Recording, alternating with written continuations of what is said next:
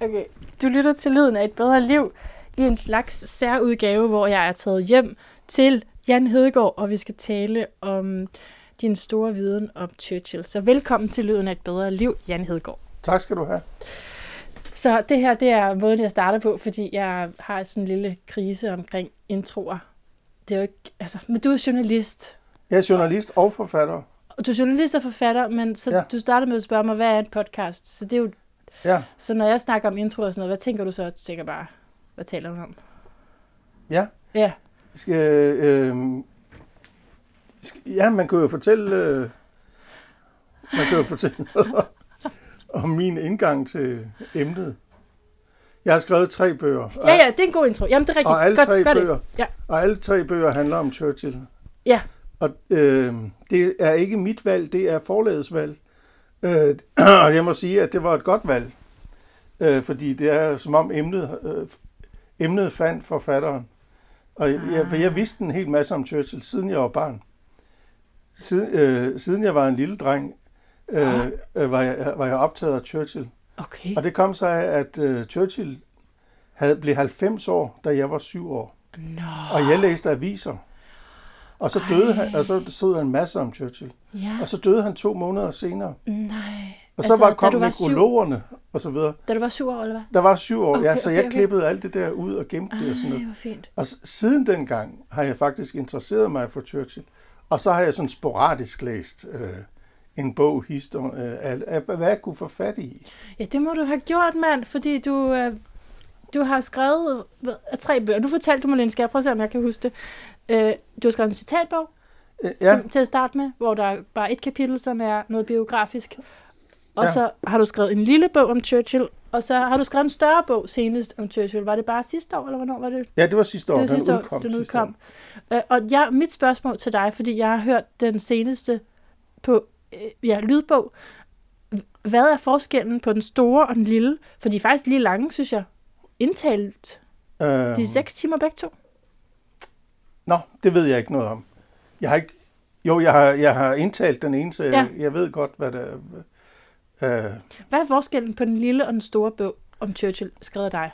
Øh, se, for, der, så hører det med til historien, at forlaget foreslog, at vi lavede en stor billedbog, en coffee table udgave af den lille bog, ved at smide 300-400 billeder oveni. That's Det endte, why. så, det endte så på 200 billeder. Okay. Og så sagde de, jamen vi tager bare teksten fra den lille bog om Churchill, og putter ind i den store bog om Churchill. Nå, Men så sagde jeg, nej, nej, nej. Fordi der er, allerede efter jeg havde skrevet den, den lille bog om Churchill, så var der nogle ting, jeg gerne ville lave om. Så jeg tog og trimmede den oprindelige tekst. Det vil sige, skar alt, øh, alt overflødigt væk. Og så skrev jeg cirka 100 sider mere til. sådan. Så det, øh, det er delvis den samme tekst, men det er også øh, for en tredjedels, en fjerdedels vedkommende ny tekst. Ny tekst. Men er det ikke meget typisk, at sådan nogle forlag der, de bare sådan, vi genbruger det her, sætter nogle billeder ind, og så har forfatteren, hvis hjerteblod det er, er bare sådan, nej, jeg har mere på hjerte. Det kan godt være. Det kan godt være. Altså, jeg tog i hvert fald chancen. ja, Og så du sagde så de, dit det, snit det, til at... ja, ja, og jeg blev ved med at skrive og skrive og skrive. Ja. Og det var sådan, at min øh, forlagsredaktør, øh, hun var faktisk nødt til at udsætte sin egen sommerferie Okay. i 2020, men det var heldigt. Fordi mens hun skulle have sommerferie, var vejret faktisk dårligt. Og da hun, det, det tidspunkt, hun skubbede den hen til, der var vejret rigtig godt. Hvad er det, vi kan høre nu, Jan? Det er min telefon. Nej, jeg troede, det var sådan et, sådan et stort ur, hvad hedder sådan et? Et standur.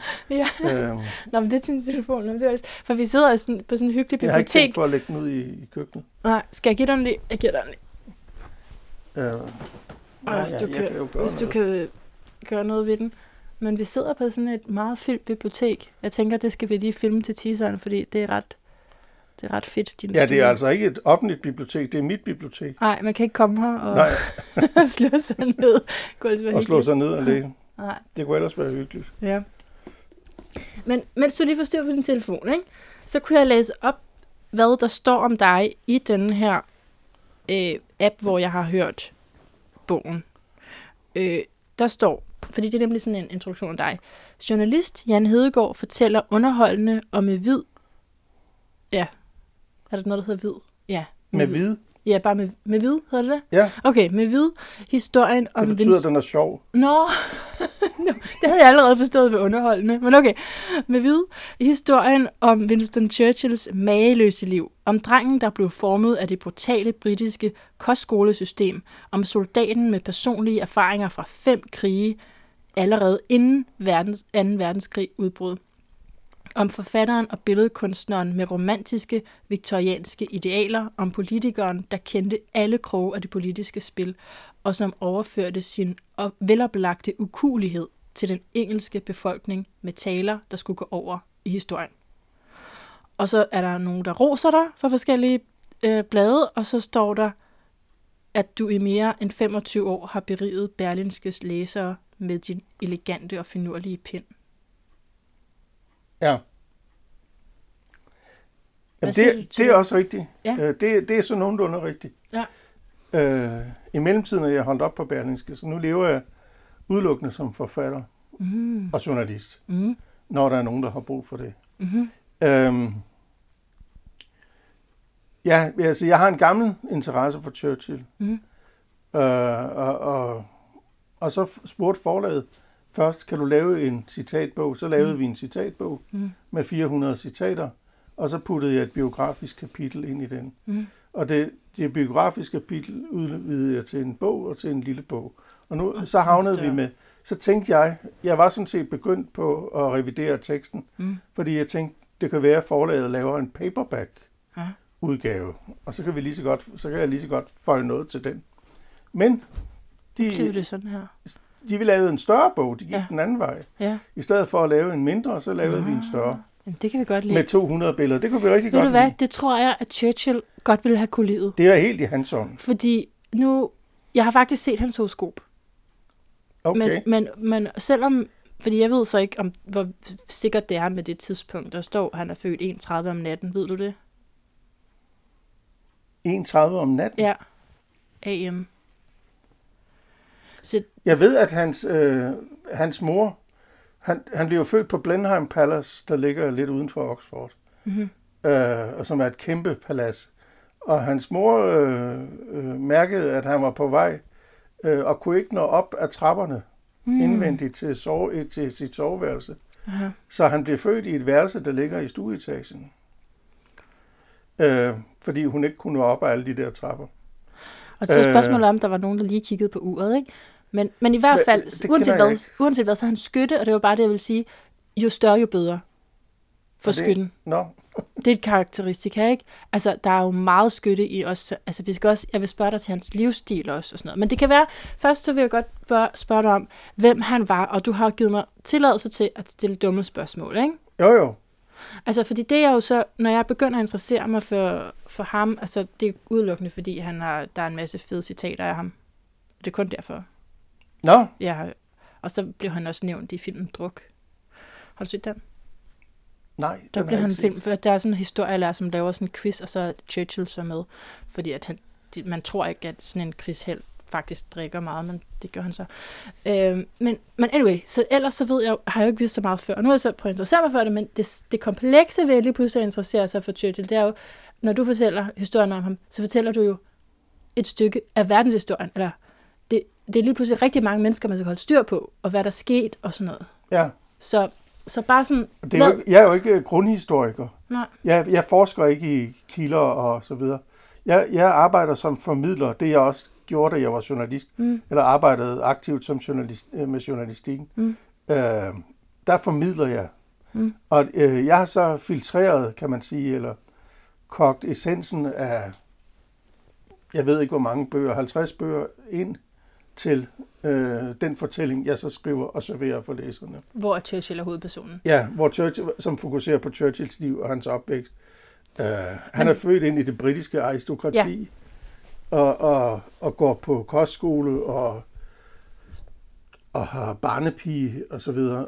Uh, Ja, du skriver, at hans forældre ikke rigtig interesseret sig for ham. Eller, men det var på almindeligt. samme måde som at det, øh, på samme måde som som uh, britiske forældre på et højere niveau ikke interesserede sig for deres børn. Det gør man bare ikke. Dem overlod man hurtigst muligt til barnepigerne mm. Mm, og til øh, personalet, mm, Og lige så snart de, kunne gå, de skulle i skole, så sendte man dem afsted på en kostskole, hvor de blev delvist mishandlet, men hvor de også lærte noget basalt. Klassisk dannelse. Hmm. Øhm, og, så, og, så, og så havde de to muligheder, hvis de stod, hvis de stod i direkte til at arve titler og gods, øh, så var det det, de gjorde. Og ellers så måtte de klare sig selv. Og det vil sige, at på, øh, i det britiske aristokrati, det at klare sig selv, man kunne gå ind i politik, så, og man skulle selv have penge med. Man kunne blive advokat, eller man kunne blive, gå ind i militæret, eller man kunne blive præst. Ja. Det var de muligheder, man havde. Churchill valgte så at gå i sin fars fodspor. Han var nemlig heller ikke nummer et og arvede ingenting. Øh, så han går i sin fars fodspor og bliver konservativ britisk politiker. Og var det noget med, at han ikke klarede så godt i skolen? Eller? Ja, han klarede sig ikke ret godt. Han var, øh, han, jeg, jeg tror, han var for enrådig. Ja, det er også en skytte ting. Ja, han var... Øh, han ville ikke rigtig høre på pensum, eller... Han kunne ikke indrette sig efter Nej. autoriteter, og han udfordrede dem og så videre. Ja. Øhm, og så øh, var det eneste, det eneste han kunne blive, øh, det eneste han kunne blive i militæret, så var han nødt til at gå en militærvej. Mm. Det var kavalerist, fordi de havde de laveste optagelseskrav.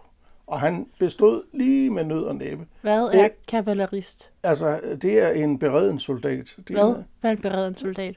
Det er en soldat, der sidder til hest.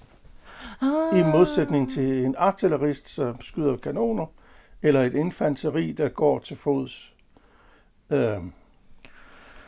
Kan du se, allerede der, det er svært at lære om sådan noget historisk. Man skal også have en helt ordbog for det jo. Ja, ja. Ja, det, det er nu ikke svært. Den del af det, af det er ikke svært. Mm. Øhm. Så han bliver, han kommer ind i, øh, i kavaleriet. Mm. Og, øh, Som var det her med heste. Ja. Mm. Øh, og bliver uddannet, og så, så kæmper han og bruger sin mors hjælp. Øh, hans mor hjælper ham. Han har, et, øh, han har et meget kærligt forhold. De to kvinder i hans liv, det er dels hans barnepige, hans nanny, der hedder Everest, ja. og moren. Hvad med Clementine? Clementine bliver han gift med. Er det ikke altså den tredje pige i hans liv? Jo, øh, men de, første, de to okay, første er okay. de første. Okay, okay, okay. Øh, han bliver først gift med Clementine, da han er 34.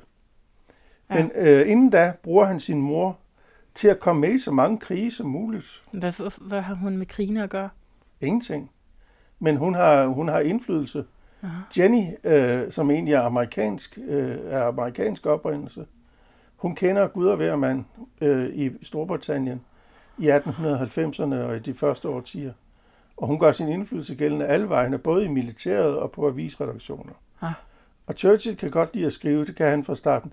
Faktisk så har han tjent mest på at være forfatter og som journalist. Han var, så han, han, han får en dobbeltrolle i begyndelsen af sit liv, både som soldat og som krigskorrespondent. Okay. Det er helt utænkeligt i dag. Okay, jeg har altså allerede et spørgsmål mere. Ja. Er det irriterende? Jeg... Nej, nej. Okay, det er bare, øhm, jeg har også i forberedelse til det her set en film på Netflix, der hedder Churchill. Men jeg kan godt se, når jeg søger på Churchill-film, så er der rigtig mange. Ja. Men jeg tror måske, jeg ved ikke, om det er den seneste, den er fra 2017. Har du set den? Ved du det? Den hedder bare Churchill? Den hedder bare Churchill. Det er virkelig irriterende, ikke? Fordi men du har jo gjort det samme med din egen bog. Så. Ja, det gør min egen bog også. Jamen, vi, øh, vi arbejdede meget med, hvad den skulle hedde. Ja, den skal og, man holde styr på, hvad der Og der var ikke noget, der stod, øh, der var ikke noget, der, der kunne slå bare Churchill. Nej. Også grafisk. Det stod så flot på forsiden, Jeg bare forstår. hele navnet. Og så fylder det navn hele forsiden, ja. så vi kunne ikke rigtig putte den anden titel på. Jeg forstår. Det for langt og sådan noget. Øhm, nej, jeg har ikke, den har jeg ikke set. Men øh, du er velkommen til at stille spørgsmål. Ja, hvad var det nu, jeg ville sige med det? Jeg havde set en film, øh, og hvad var det, du sagde lige før det? Jo, det er fordi i den film, der har han sådan en sekretær, som han skælder ud, fordi at hun skriver forkert nogle gange. Så til sidst bliver det venner og sådan noget. Ikke? Der er en god drama i det. Men, men øh, Nej, du er det ikke faktisk, The Darkest han... Hour, du tænker på? Nej. Den hedder bare Churchill for 2017. Men, men er det rigtigt, at han, når du siger, at han er journalist, skrev han sig selv? Ja. Men i den der film, der fik han en anden til at skrive det ned det er for langt sig. senere i perioden. Okay. Der, der, øhm, der havde han ansat, jeg tror, over 20 sekretærer. Men er det ikke sådan lidt for lidt, hvis man som journalist får en anden til at skrive for sig? Hvad er det for noget? På det tidspunkt er han ikke længere journalist, der er han politiker. Ja. Og der, øh, udover at han også er forfatter, han dikterer mange ting. Altså, øh, hvis du tager hans forbrug af sekretærer, så, er, øh, så svarer det helt til. De, de, udgør, øh, de udgør sammenlagt, hvad en computer kan i dag. Okay. Det er da ret godt gået. Er der mange så sekretærer? Ja, han, altså han er oppe på, på et tidspunkt, da han, øh, da han lever på Chartville, hans, det sted, han køber i starten af 20'erne, øh, og hvor de bor, øh, indtil han dør. Øh, der har han på et tidspunkt ansat 27 mennesker, altså Sekretærer? ikke kun sekretærer, Nej, men også kokkepiger og, Ja, det skal og en butler. Men så når du siger det der med, at det er langt senere i perioden, er du så enig med den her, når du læste op, øh, det her, altså der er drengen, der er soldaten, der er forfatteren, billedkunstneren, politikeren. Vil du, er du enig i, at der er de her faser, altså hvor han ligesom er Ja, en hvis bestemt du tager den første fase, Mm. det før, efter han er uddannet øh, kavalerist, Ja. øh, så går han i krig. Og han er med i, øh, i flere krige. Mm. Den første krig, han, han, øh, det lykkedes ham at blive observatør, øh, fordi spanierne udkæmper en krig mod kubanske oprørere. Der Mm. kommer han med dem og, og bliver observatør der, og, og beretter samtidig fra den krig øh, til aviser i London. Der, derefter så sørger han for at komme til, øh, til Indien, til Bangalore, mm-hmm. hvor han er med, øh, og der møder han en, øh, en britisk oberst, eller har mødt en britisk oberst inden, der hedder Sir Bindon Blood, som er øh, i krig med nogle stammeoprør i det nuværende, øh, ind mod grænsen til det nuværende Afghanistan, øh, og, altså Pakistan-Afghanistan-grænsen, der hvor Kyberpasset og sådan nogle ting også ligger.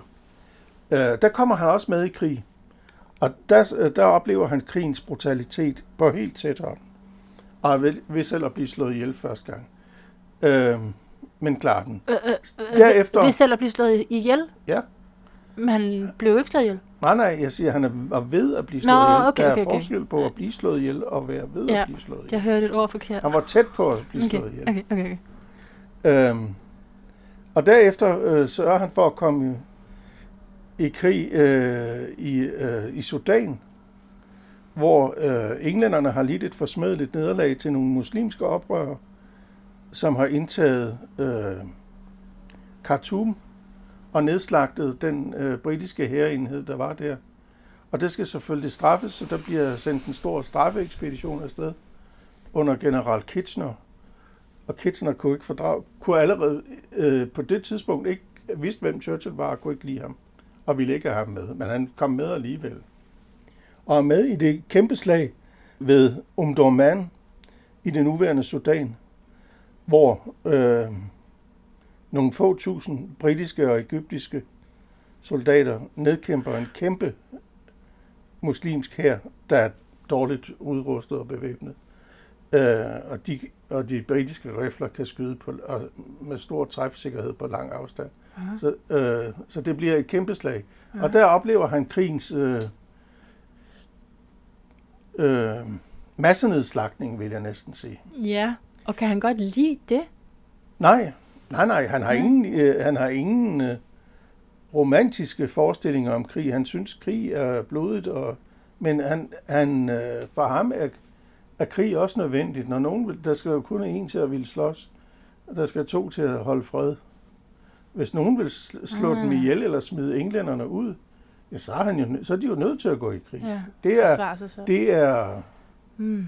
det er ræson. Det er så den måde, de øh, resonerer på på det tidspunkt. Okay, men så du vil sige det her med, at det er den fase, hvor han så går i krig med alle Ja. mulige... Han er, da han er i krig i, i, øh, på Cuba, hvor han bliver skudt på for første gang, og siger for eksempel, der er ikke noget så opmuntrende som at blive skudt på uden at blive ramt. Ja. Og, han er i krig i uh, Indien, og han er i krig i Sudan, og senere er han også i krig i Sydafrika, øh, i Boerkrigen, hvor han dels som reporter, hvor han ender med at blive indrulleret i krigen og kæmpe på britternes side. Men han var der egentlig først udelukkende som krigsreporter Nå, okay. og bliver taget til fange og undslipper sin fange, sit fangenskab, og det, det bliver selvfølgelig en vældig god historie at skrive hjem om. ja. Og der bliver han berømt i hele England. Ah. Og da han så kommer hjem, så bliver han, øh, så vælger han at gå ind i og bruge sin berømmelse, som han selv har skabt ved at skrive om den i engelske aviser. Så øh, går han ind i britisk politik. Det Og så- var smart. Så det var overlappet fra krigshelt, eller soldat, til...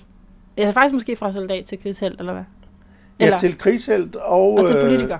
og så politiker. Det er politikeren, ja. Så bruger han den der kendiseffekt, ja. han har opnået. Og det er også det, du sagde. I dag ville det være uhørt, hvis man både havde rollen som journalist og, Ja, og Og, kæmpe. og, og medkæmper, fordi Ja. du kan ikke lave begge dele. Det er jo, nej, for det første er det ret svært tidsmæssigt måske at dosere, men også, altså man er jo mega subjektiv så, ikke?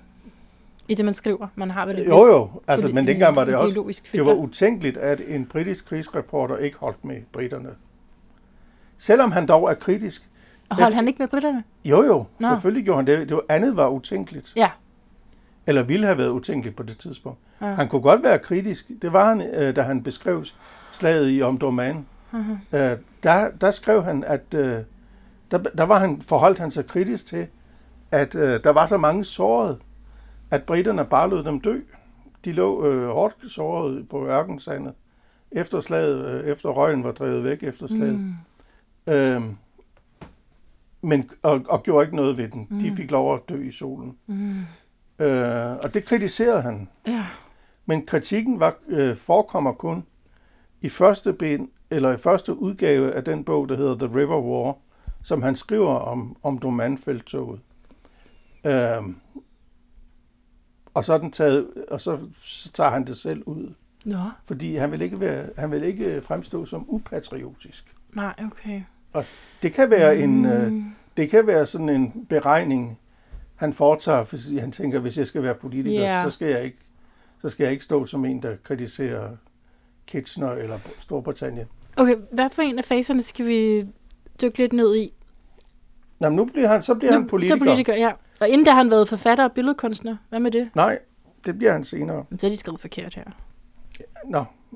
Øh, De, de har først skrevet forfatter, billedkunstner og så politiker. nej, men det er, øh, du kan sige, han er journalist først. Okay. Han, han er først er journalist, fordi han, ber, han beretter for de der krige, Mm. og så når han kommer hjem, så tager han artiklerne, Mm. og så, øh, så bearbejder han dem til en større, et større bog, et bogværk, Mm. til en bog, han udgiver. Mm.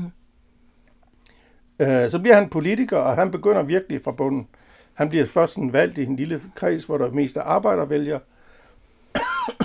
Undskyld. Og så, øh,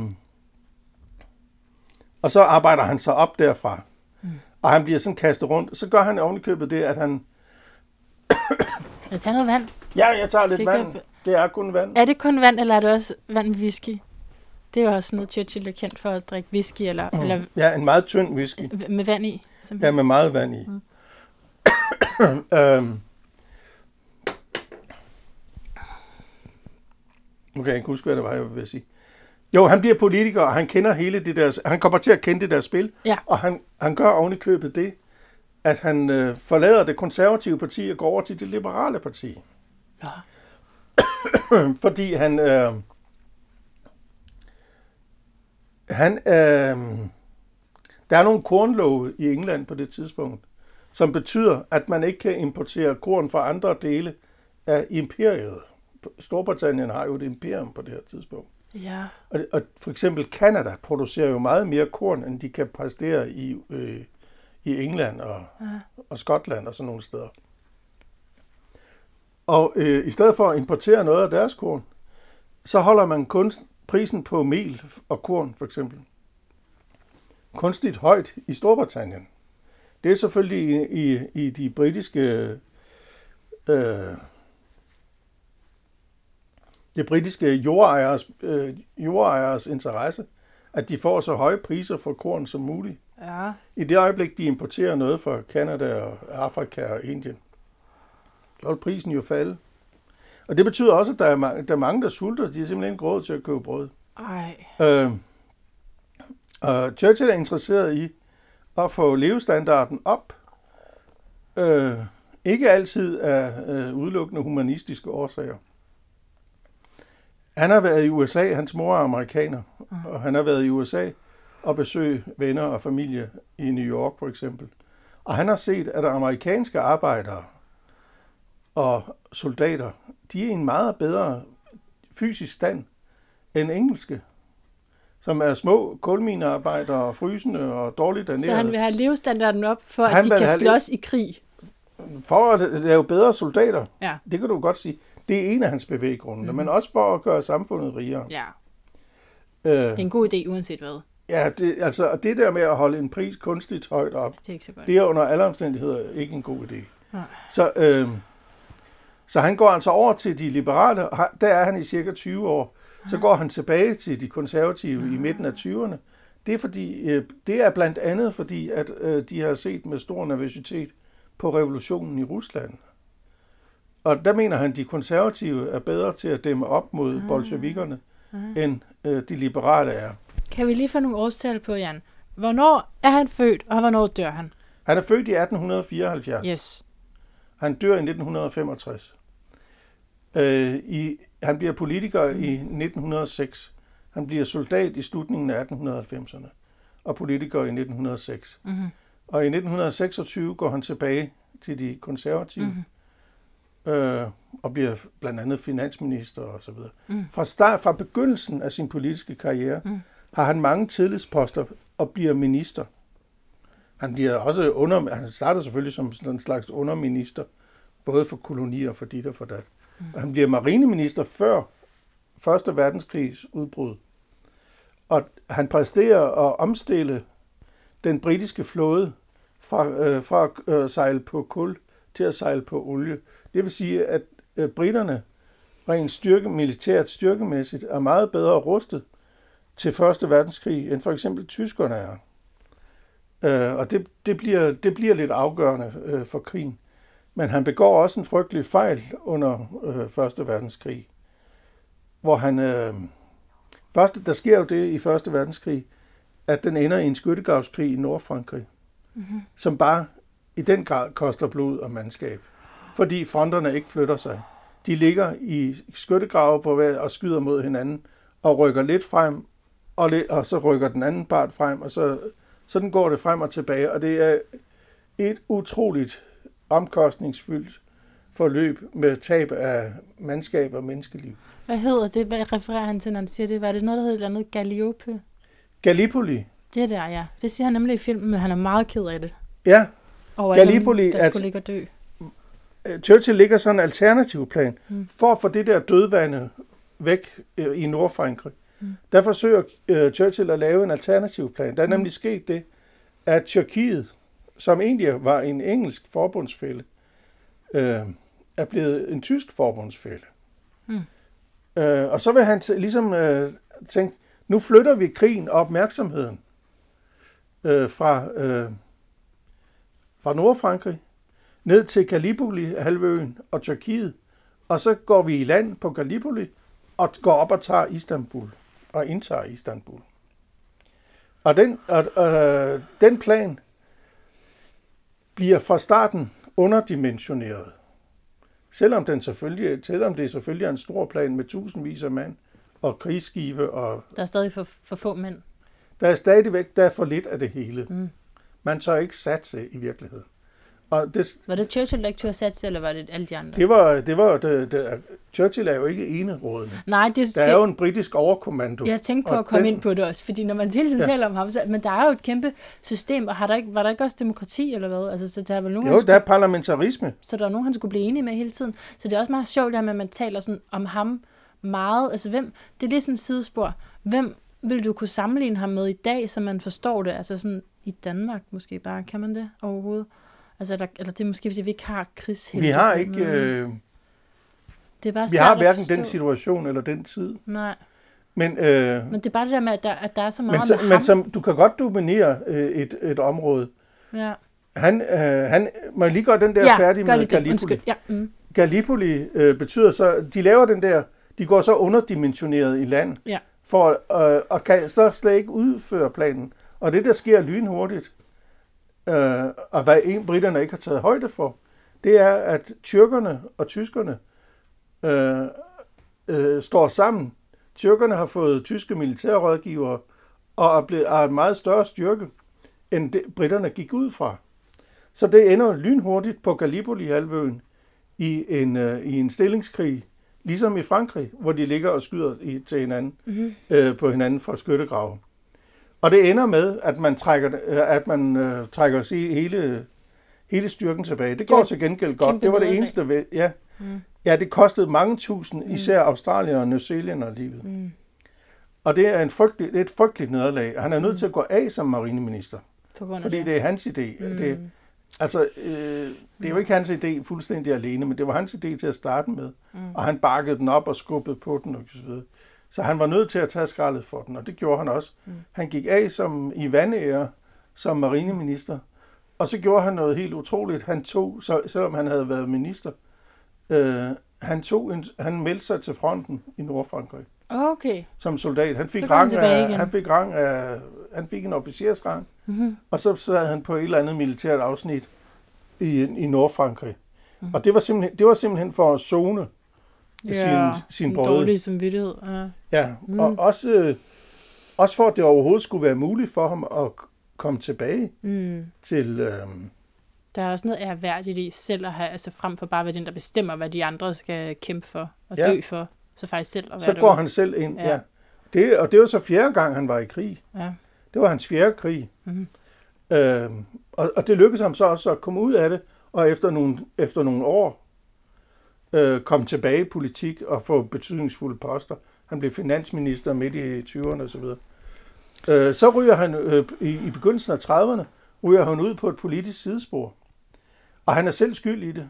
Øh, han er, han øh, rager uklar med ledelsen i det konservative parti, og ryger jo så ud på sådan et sidespor, Hvorfor? og, som han kalder sin ørkenvandring. Ja. Jamen, han er, han er, han på følger partilinjen, i, i, Ah. især på to punkter. Okay. Der er to ting, der optager Storbritannien også i 30'erne. Mm. Det er dels, Penge. dels depres- depressionen. Det er penge. Ja, det er pengene. Øh, men også Indiens øh, forsøg på løsrivelse. Ah. Gandhi er jo aktiv på det her tidspunkt. Ah. Og Churchill er imod, at imperiet kan ikke miste sin juvel. Øh, og, og det kan de slet ikke klare, og Churchill har meget imod det. Nå. Så der, at i modsætning til, til andre konservative, der siger, jamen vi kan ikke, vi kan ikke holde på Indien. Nej. Indien er nødt til før eller siden at få sin frihed. Ja. Øhm, Så og så er han imod, øh, så er der en stor strid om den engelske konge Mm. midt i 30'erne. Mm. Den engelske konge, Edvard den 7., eller er det 8. Jo, øh, ham, der, ham der er gift med Wallace Simpson, Nå ja, ham. ja, han, han splitter også vandene på det her tidspunkt. Mm. Øh, og der er han også imod sin partilinje. Han Okay. mener godt, at, øh, at hvor han kan være gift. Han mener, at kongen kan godt være, han er, det er Edvard den 8. Mm. Han kan godt være gift med Wallace Simpson, øh, selvom han er konge. Hvorfor, undskyld, hvorfor kan man ikke være gift med Wallace? Er det en han eller en hun? Wallace Simpson er en kvinde. Okay, nå, Han så er er det da ikke amerikansk så... kvinde. Nå. Øh, Nå, som amerikansk. ja, og hun er fraskilt en gang og gift med en anden mand, Ej, så går det ikke. og bliver, nej, alene af den grund går det ikke. Øh, men så bliver hun ganske vist skilt fra ham den anden. Ja. Øh, men, det er fordi, men det er fordi kongen vil have hende som Ja, ja, ja. sin kone.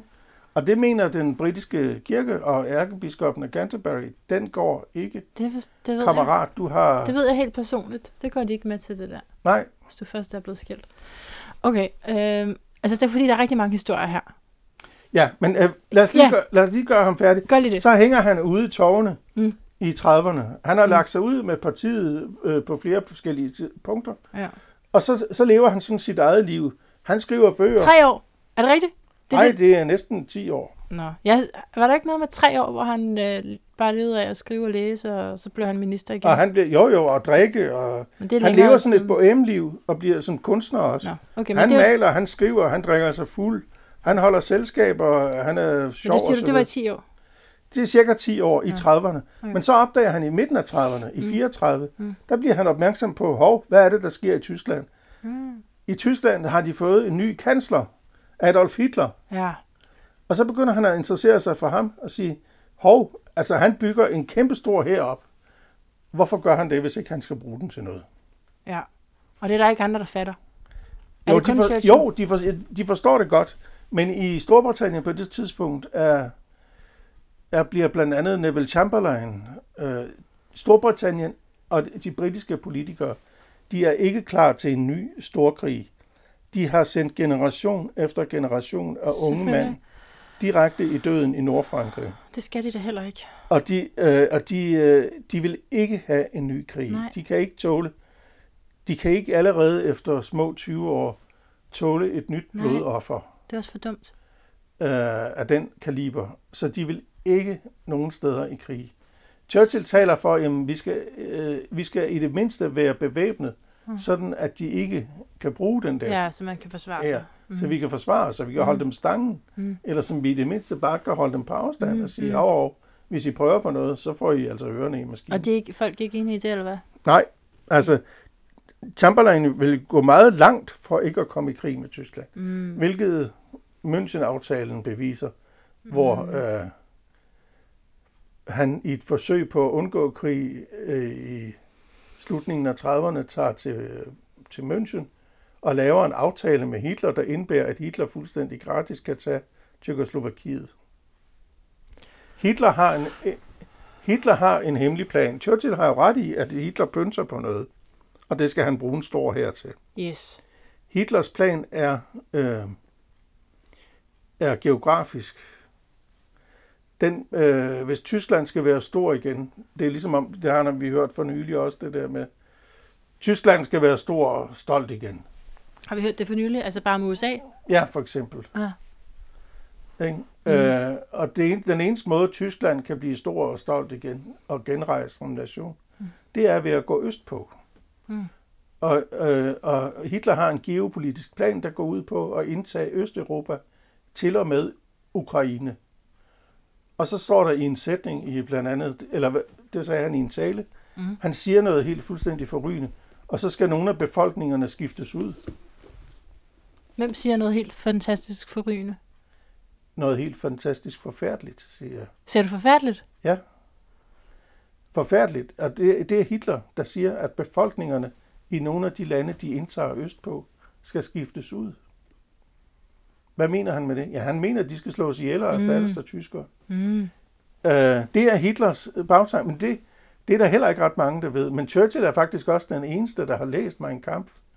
Der står det i, at det er det, der er planen. Har Churchill læst den?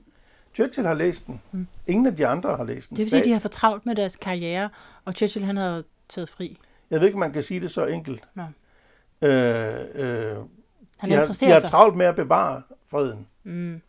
De er ikke interesseret i at komme op, de er ikke interesseret i en ny stor krig Nej, i Europa. nej, nej. De er Den er for ødelæggende, og de har, Det forstår man jo godt. England har mistet generationer af unge mænd. Mm. De lærer også af det. I den næste krig der, der holder de sig ude af, af mange kampe. Mm. Øh, men i slutningen af 30'erne, Mm så ender det alligevel med, at øh, for, at stoppe krigen, så gør, øh, så gør Frankrig og Tyskland, nej, Frankrig og England, det at de advarer Tyskland om, da Tyskland har taget Tjekkoslovakiet og Østrig og alle mulige lande, øh, eller på, er på andre lande i Europa, så begynder Hitler jo at kaste sit blik på Polen. Og så for at stoppe Hitler, så siger de til, hallo, hvis du også tager Polen, øh, så, øh, så erklærer vi krig. Det, det, det rotter England og Frankrig sig sammen om at, at sige til Hitler. Og Hitler er ikke rigtig, øh, ikke rigtig interesseret i, at Tyskland skal gøre, begå den dumhed, som de gjorde under Første verdenskrig, nemlig at komme til at slås på to fronter, hvor de både havde en østfront og en vestfront. Så det er han ikke rigtig interesseret i. Nej. Så for at komme ud af den knibe, så slutter han fred med Stalin. Han laver en, Ah. freds, øh, en fredstraktat med Stalin. Og, og lover Stalin det halve af Polen og de tre baltiske lande og noget af Rumænien. Det er det, Hitler gør. Ja, det gør Hitler. Fordi så har han pludselig ryggen fri mod øst. Mm. Og så, øh, så besætter han, så går han delvis ind i Polen og ser, hvad der sker. Da så England og Frankrig reagerer med en krigserklæring, så, øh, så går han ind i Belgien og Polen og Holland og Danmark og Norge. Uh, så har han Vesteuropa også. Og når så han har Vesteuropa, så skal han lige have bumpet englænderne på plads. Det lykkedes så ikke. Øh, og så vil han gå østpå. Så Det er planen. din pointe med at sige det her, eller det som Churchill er kendt for jo, det er, at han var med til at stoppe 2. verdenskrig. Han vil stoppe Hitler. Øh, øh, for Hitler er problemet. I, i Storbritannien øh, analyserer man nu hurtigt, og det, det var man klar over allerede i slutningen af 30'erne, øh, at problemet med Tyskland ikke var Tyskland som sådan, men, med, øh, men problemet var Hitler og hans kreds af nazister, mm. hans nazistparti. Klart, klart, klart. Det er det, der var problemet. Den har de analyseret, og den er, den er de opmærksom på allerede før, det, øh, før krigen bryder ud. Øhm, Churchill bliver så, da krigen så er brudt ud, der kan Neville Chamberlain ikke fortsætte som premierminister. Øh, simpelthen fordi han er ikke længere troværdig. Han har forsøgt at forhandle, han har prisgivet andre lande, de var ikke engang med til forhandlingerne, at dem kunne Hitler få osv. Og, og lige lidt hjalp det, for Hitler gjorde bare, hvad han ville. Og han tog hele, ikke bare det halve af Tjekoslovakiet, han tog sgu det hele i tre mundfulde. Slutfærdigt. Det, det håner Churchill ham for i det britiske parlament. Øhm, Ja, det er rigtig mange ord og lande og alt muligt. Jeg er helt væk. du, øh, jamen, Hvor nu, er jeg henne nu? nu er vi i begyndelsen af 2. 2. verdenskrig, og Churchill er ikke engang blevet premierminister. Ja. Men Chamberlain har mistet al sin troværdighed, og han er nødt til at træde tilbage, så skal man have fundet en erstatning for ham. Og det ender så, der tager, hiver de så Churchill ind, Efter hans 10-årskrise. Efter hans 10-årskrise, Okay. fordi de ved, at der har vi der i det mindste en bisk vagthund. Nu er det det, der skal til. Nu skal Ja. vi have den britiske bulldog på banen. Ja. Og det er Churchill. Og han kommer så ind og sætter sig i premierministerstolen.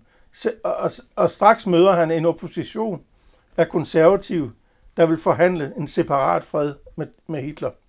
Og hvad for en parti er han i lige nu? Han er konservativ. Nå, okay. Men der er andre konservative, for Ja. eksempel udenrigsministeren Halifax.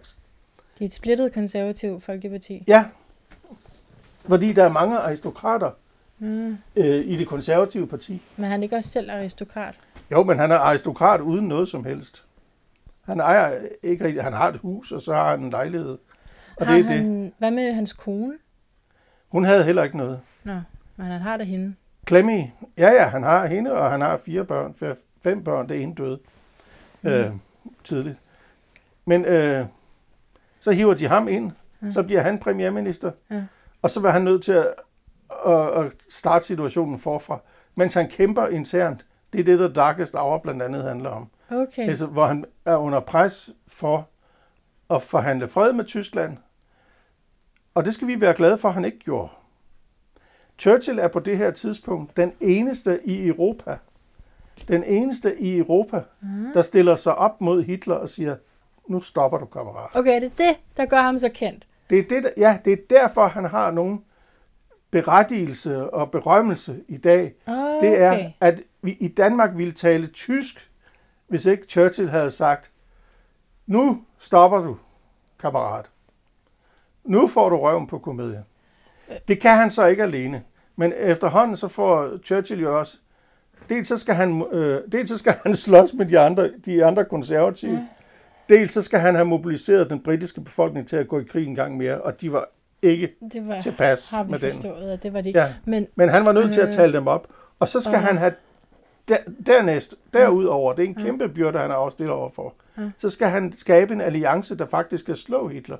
Det Ja. gør han ved at rotte sig sammen med Stalin, som er helt forskelligt fra øh, Churchills livssyn. Ja. Men også med den amerikanske præsident Roosevelt, som Hitler er så dum at erklære krig. ja, Det gør han efter øh, Pearl Harbor, efter japanerne angriber Pearl Harbor og inddrager, det er det større og større, det her. og inddrager, jamen, det er der, hvor det hedder en verdenskrig. Det er fordi, Ja, det er nemlig det, globen- der er problemet. Man vil bare vide noget om ham der Churchill med nogle gode citater. Jamen, han så er det er- hele verden, der... nu har vi sat hele verden i brand. Men hvad, hvad, er der noget, der hedder D-dag? Ja. Hvad står det for? Død eller Det står dommedag? for, Eller? Det står for en, en given dato, som vi ikke kender. Det vil sige, øh, Nå. Er det den- ikke en bestemt dag? jo, det er lige præcis en bestemt, står for en bestemt dag, men Mm. der er ikke sat dato på, hvad den bestemte dag er. Men Så er- når man er- lægger en plan, når man lægger en stor plan og siger, vi skal holde en stor fest, Ja. vi ved ikke lige, hvornår den skal være, men vi kalder bare festens startdato for D-dag. Okay, det kommer jeg til at gøre fra nu af. Fedt. Men, men altså, han er kendt for noget på D-dag, ikke? Har jeg helt... Ja, det, Nej, nej, det er, bortset fra, at han var modstander af D-dag. Men altså, han går ind i den her Hvad krig. skulle der ske på D-dag? Der, på D-dag går de allierede, det vil sige øh, britterne, amerikanerne, kanadierne og også nogle franskmænd i land på Nordfrankrigs kyst øh, for at gå til Berlin. Og det var det, han ikke ville have. Churchill ville ikke have det på det tidspunkt. Skete det alligevel? Ja, ja. Nå. Det skete, fordi amerikanerne og russerne ville have det. Russerne ville jo selvfølgelig have det, mm. fordi det vil aflaste deres front. Mm. Og amerikanerne ville have det ud fra en, et strengt rationale. Amerikanere er jo meget rationelle. De siger, at den korteste vej til Berlin og slå Hitler Mm. og ved Parmastolen, det, det er at gå i land i Frankrig og køre direkte til Berlin og smadre ham ind på bæret. Køre? Ride?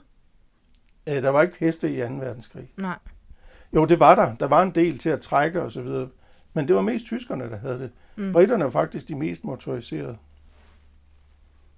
Motoriseret? Ja, med biler? Ja. Okay, eller kampvogne? Eller motorcykler. Nå. Ja, og kampvogne også selvfølgelig. Mm. Lastbiler. Okay, øh, er, er der spørgsmålstid nu? helt lost. Jeg Altså, han, han, øh, han, han, information. samler, han samler den her alliance, Mm. og så ender han med at vinde krigen, for at gøre det kort. Og så Churchill- taber, han, så taber han det første valg i Storbritannien efter krigen.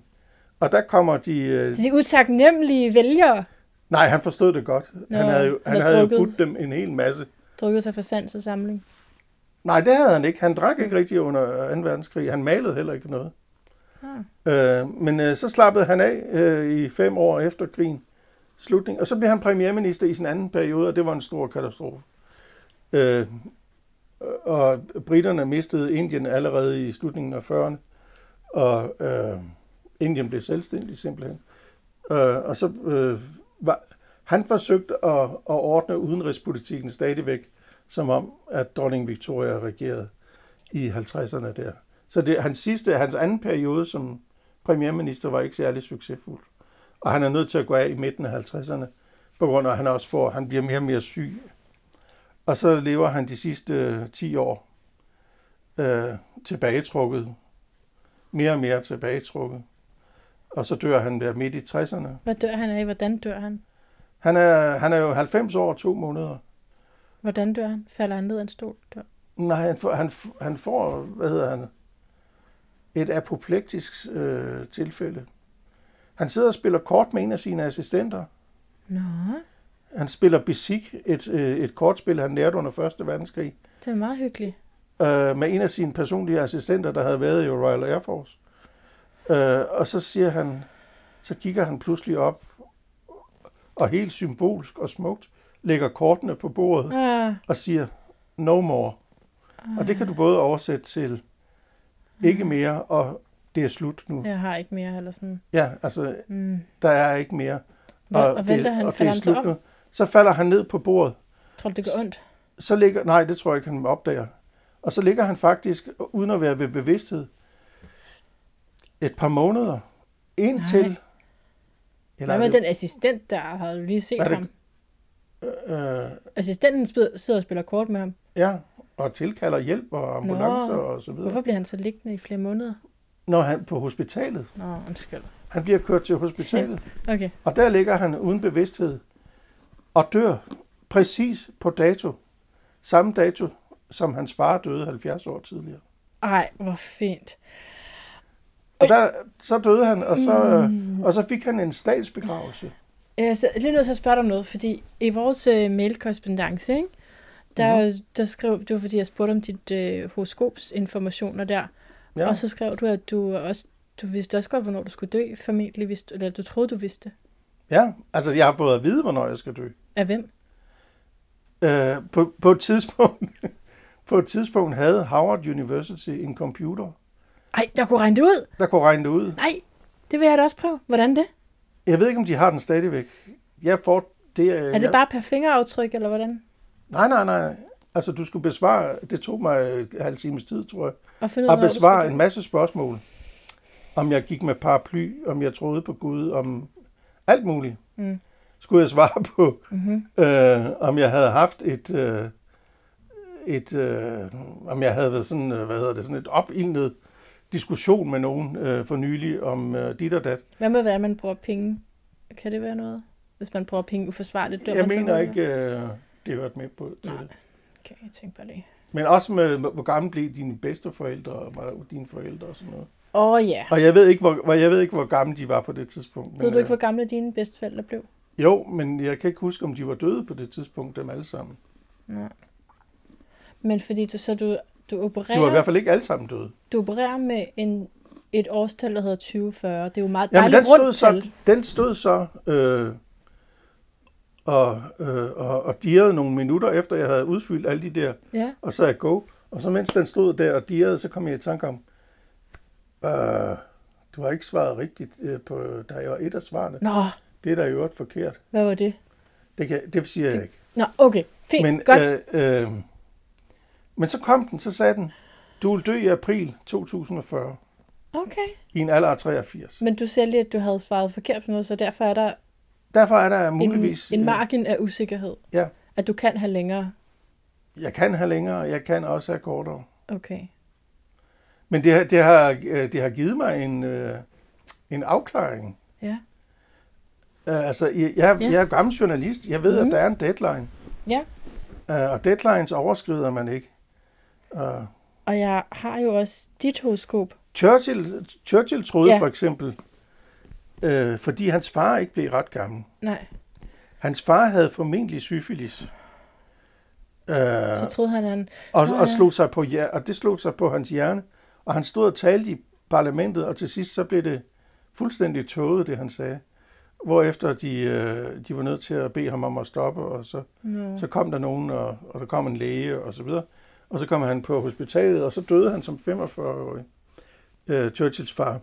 Så derfor troede Churchill, Jeg kan godt huske, at jeg, han heller ikke selv ville blive gammel. jeg kan godt huske det, at det stod i hans bog, at han... Ja. Så det også sådan, giver ham det der leve nu. Ja, så, så tog fanden jo ved Churchill og tænkte, nu skal, nu skal speederen skulle helt i bund, Ja.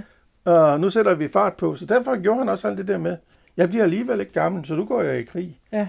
Og i første række, og til hest, og med hævet spand, øh, øh, lanse Men- og så videre. Men han blev masser af gammel jo faktisk. Så, og så, ja ja, også på trods af, at han på et tidspunkt, i hvert fald i 30'erne, øh, havde, hvad man i dag ville kalde et alkoholproblem. Ja. Okay, ja. Skal vi lige snakke om... Det skal vi nu også snakke om. Der er allerede gået en time. Hvad skal jeg gøre? Det ved jeg ikke. Nej. Det kan ikke være på to timer. jo, vi må forlænge Kan du det ikke dele den i to? Jo, det kan jeg selvfølgelig godt. Men altså, jeg værdsætter faktisk selv lange podcasts, i stedet for at jeg skal til at gå ind på et nyt. Jeg har prøvet det der med at dele to. Der var, jeg, fik, jeg fik ingen ros for det, vil jeg sige. Og jeg synes selv, det er federe, når det er langt.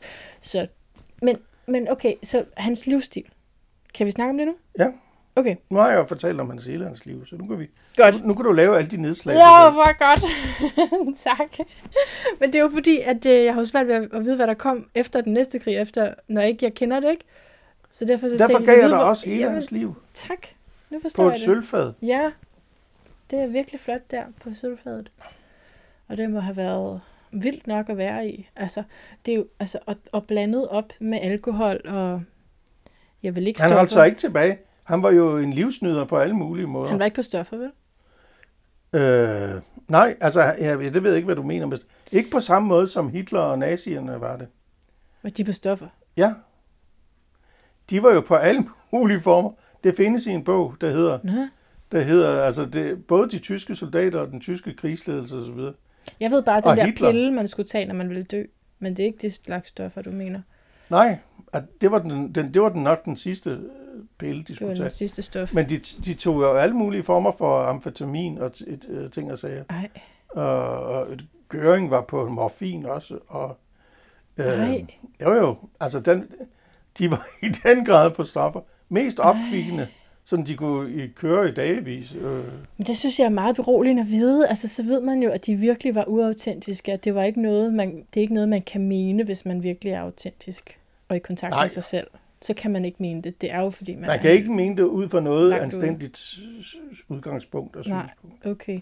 Men så, men, men så er det jo nemlig det, vi skal prøve at forstå, fordi Churchill var jo var han ikke anstændig og fin og god og har gjort en masse gode ting, men han har bare levet virkelig sådan ligeglad med sig selv, og det er der, jeg begynder at tænke, er det fordi, at hans forældre var ligeglade med ham, eller altså hvorfor? Men han er også skyttet, så det er svært at begrænse sig, ikke? Men, men alligevel, det der altså misbrug, det behøver man ikke at have. Altså, hvis du t- ham ægteskabeligt, så han elskede Clemmy, Ja, yeah. sin kone, som han blev gift med, da han var 34, og hun var 10-11 år yngre. Øh, og Ja. som var den, den tredje eller fjerde, der sagde, øh, der, der ikke sagde nej til ham. Hun var den, hun var den første, der sagde ja, ja det da han jeg, det foreslog, kender at de skulle godt. gifte. Ja, Øh, og så, så, så sagde hun... så tager øh, man den så- derfra. Ja, så, så sagde han, fedt, så skal vi giftes. Ja.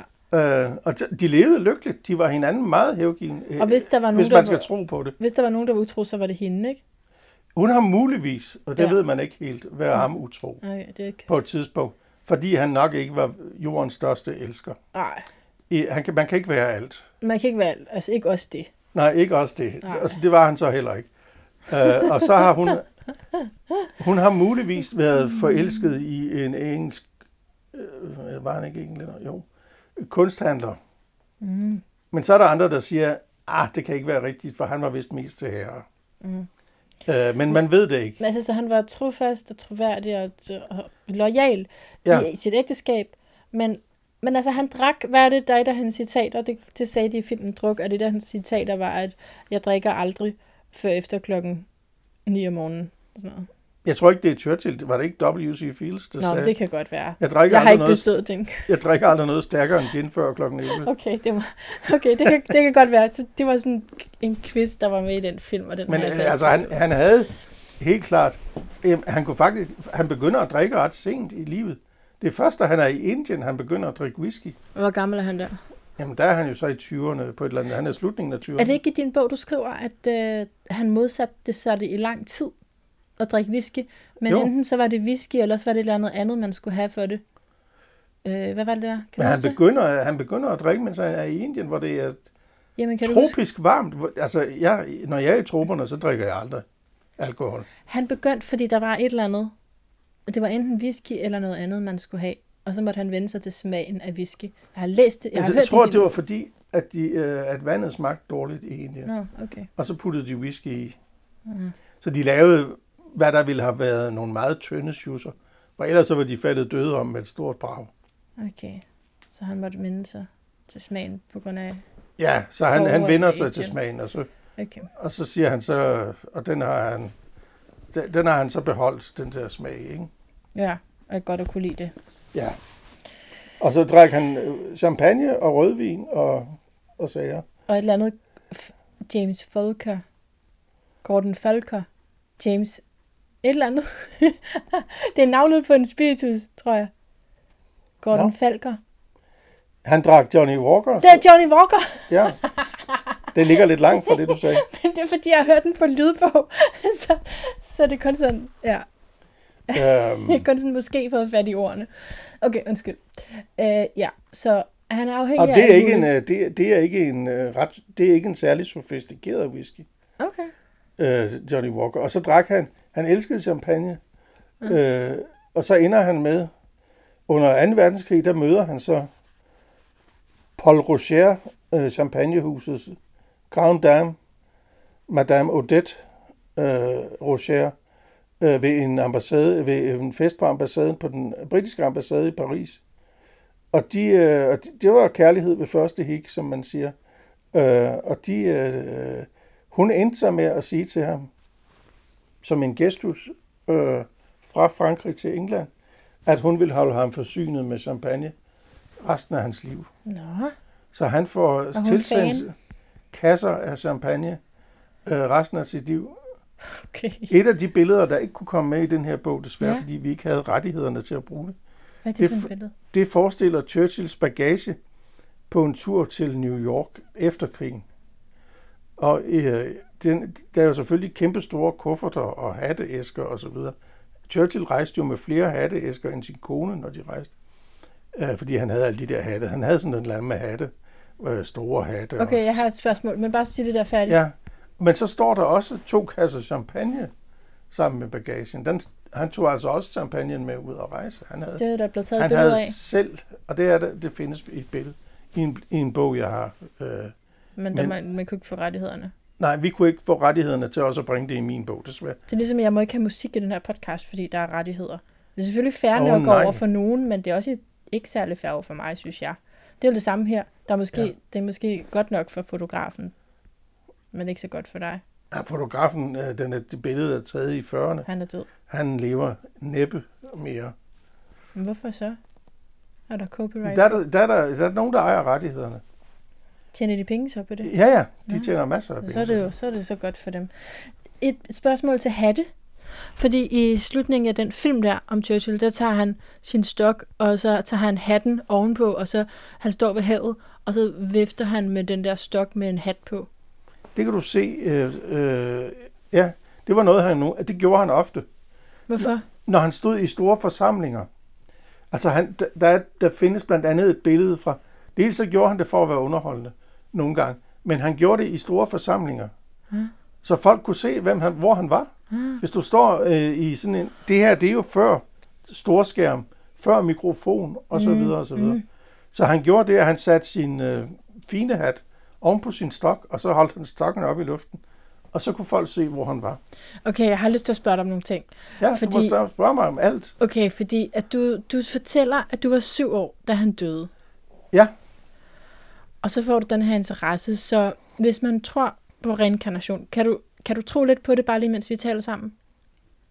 Ja, Okay, så vil du jo ikke kunne for eksempel være ham. nej, nej. Det vil ikke, fordi du var syv år.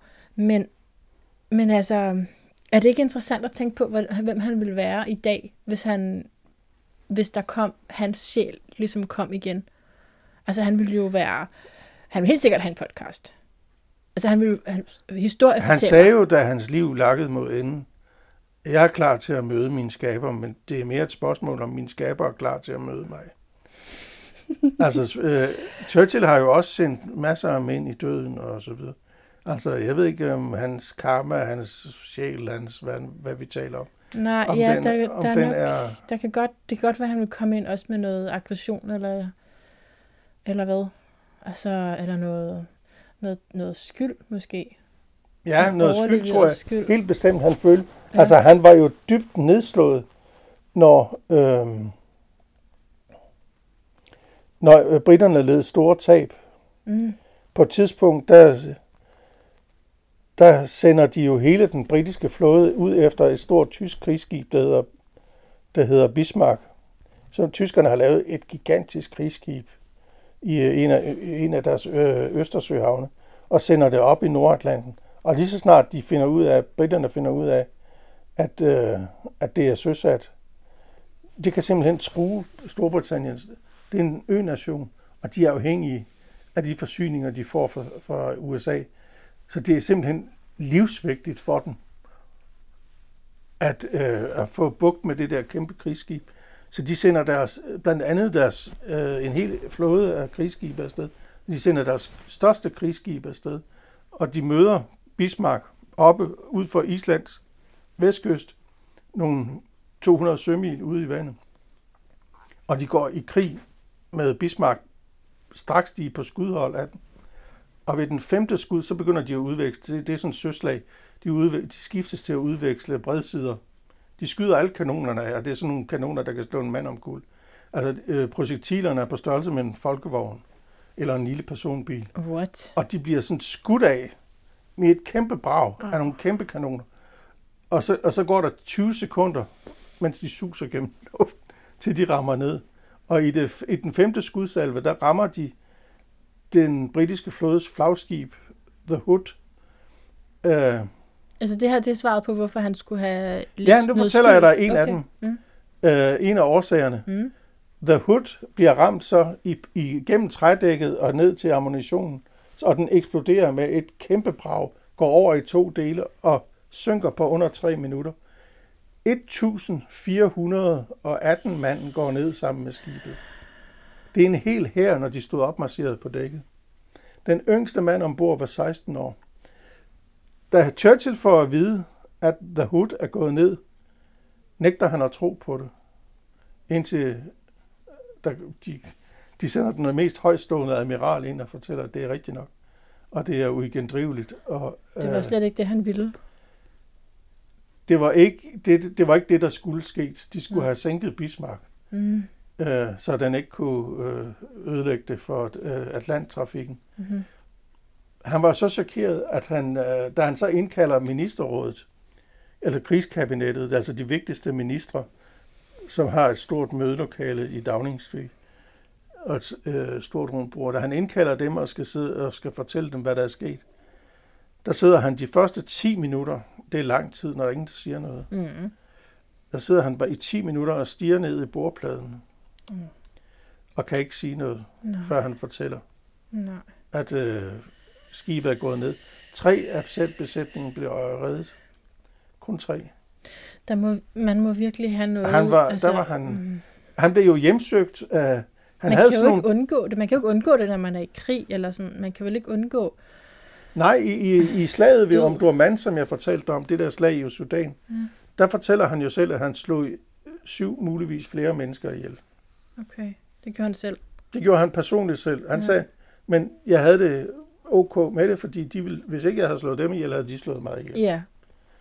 Og øh, han, han skød dem på klodshold, da de, en der, han, der for frem mod ham med en hævet sabel og ville slå ham eller hesten ihjel. Og hvis de Mm. slog hesten ihjel, så var han også død.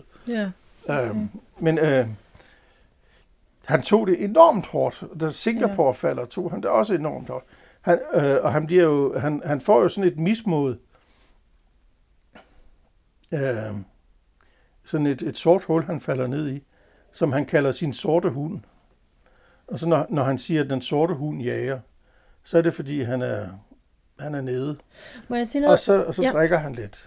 Altså, et, altså, noget, man kan sige om skytten, og der er rigtig meget, man kan sige om skytten, ikke? men som jeg har tænkt på i forbindelse med ham, og også altså, alt efter hvor man har Jupiter, øhm, så er det, fordi tit er skytte og Jupiter forbundet med sådan held og selvtillid, men faktisk er det, fungerer det på, altså der er ligesom, det er ligesom en mønt med to sider, at der også er netop et sort hul at gå ned i, men, men jeg ved godt, nu lyder det sådan rimelig fornuftigt, at så du har dræbt nogle mennesker, og der er, altså, der er sket alt muligt blodigt, og så bliver du ked af det. Det forstår man godt sådan helt også på den måde. Men nu tænker jeg mere sådan personlighedsmæssigt. Kan det passe på ham med den, som, som der der er mulighed for som skytte? Altså, man kan sige sådan, i diagnosesprog vil man kalde det bipolar. Det er ikke, det er ikke normalt, vel? Altså, det er ikke bare sådan, alle skytter er, men det er selvfølgelig... en- Altså spørgsmålet hvis er, han det, det der op og ned. Ja. Men det der op og ned, kan du genkende det? Altså når jeg er sådan enten helt vildt høj op, og, og tingene kører, eller, eller også så er der den anden side af mønten, hvor at, øh, man synes, at tingene er helt vildt meningsløse, fordi det der er med skytten der, det er meget vigtigt at kunne finde meningen med tingene. Jeg tror, at Churchill havde en mening, altså overordnet set så en mening med tingene. Mm. Han så også, han så for eksempel, han var af den overbevisning, at hele hans liv var pe- peget frem mod det øjeblik, hvor han sætter sig i premierministerstolen i 2. verdenskrig Mm. for at føre Storbritannien frelst gennem krigen. Det havde han selv en... Alt, et det, havde, det var selv hans helt klare fornemmelse, Okay. at alt i hans liv Ført op til det. førte op til det, Mm. og alt hvad han havde lært, alt hvad han havde oplevet, øh, ledte op til det øjeblik, hvor han sætter sig og, og gennemfører det der. Øh, rejser Storbritannien til, til selvforsvar igen. Øh, skaber en alliance. Det er jo ikke, Storbritannien kunne ikke slå Tyskland på det der tidspunkt. Så han er nødt til at lave den der alliance med Stalin Mm. mm. og, og, og Roosevelt. Mm. Altså rejser den der alliance og, og ender med at slå tyskerne. Øh, Mhm. Og bliver stående i dag også som... Øh, øh, altså for mig, en, øh, jeg ved godt, der er nogen, der kalder ham racist og så videre. Øh, men altså for mig er han der... For, vi, kan, vi kan være glade for Churchill. Han er en held. Han er en held, ja. Mm. Han, er, han er den, der står op mod øh, det der hæslige vanvid, som Hitler repræsenterede på det tidspunkt. Jeg sagde det til, jeg var på sådan en date, øh, bare, det var bare en date, ikke? men jeg sagde, at jeg skulle lave det her interview, og han sagde, hvad handler din podcast om? Og så sagde jeg, jamen, den handler, altså, det er lyden af et bedre liv, det handler om, hvordan vi kan leve bedre. Og så sagde han, nej, der tror jeg ikke, Churchill passer ind i. Det var jo ikke et bedre liv.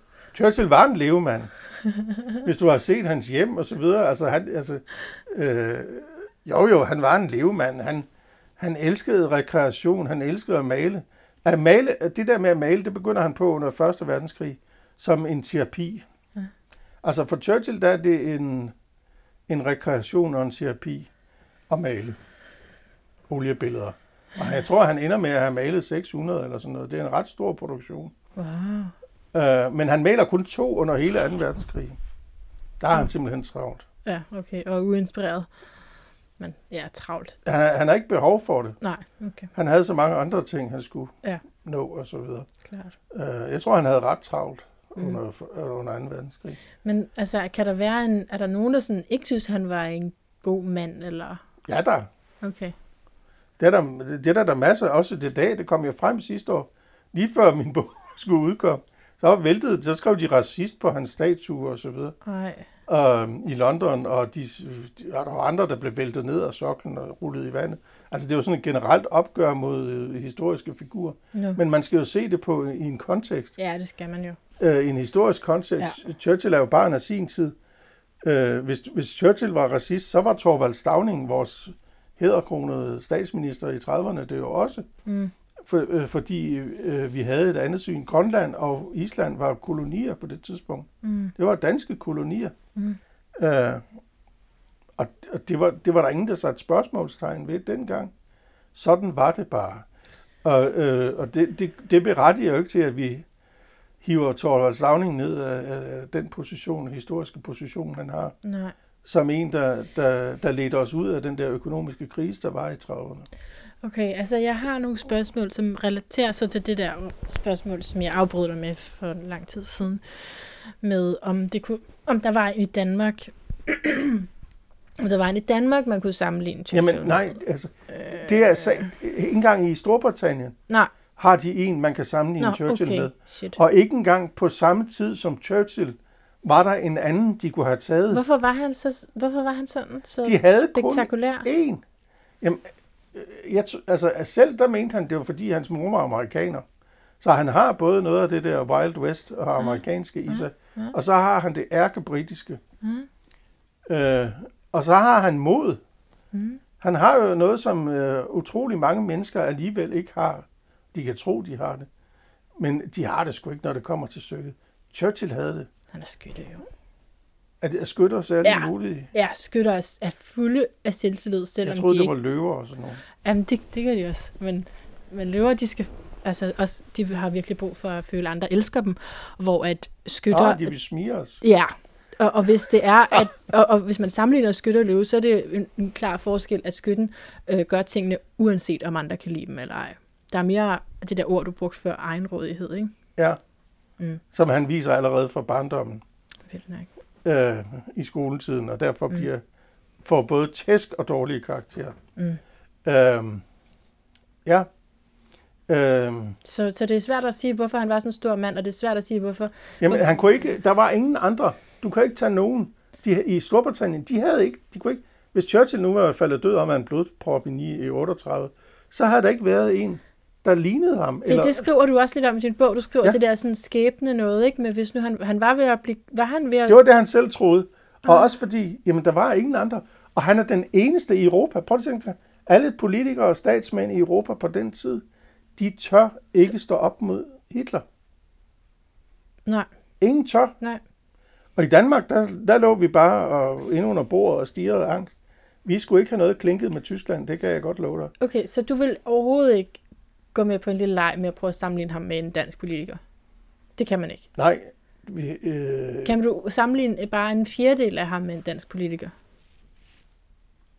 nej, jeg ved ikke, fordi det skal jo være en, der både er flamboyant, modig, og er soldat, og er statsmand, er politiker.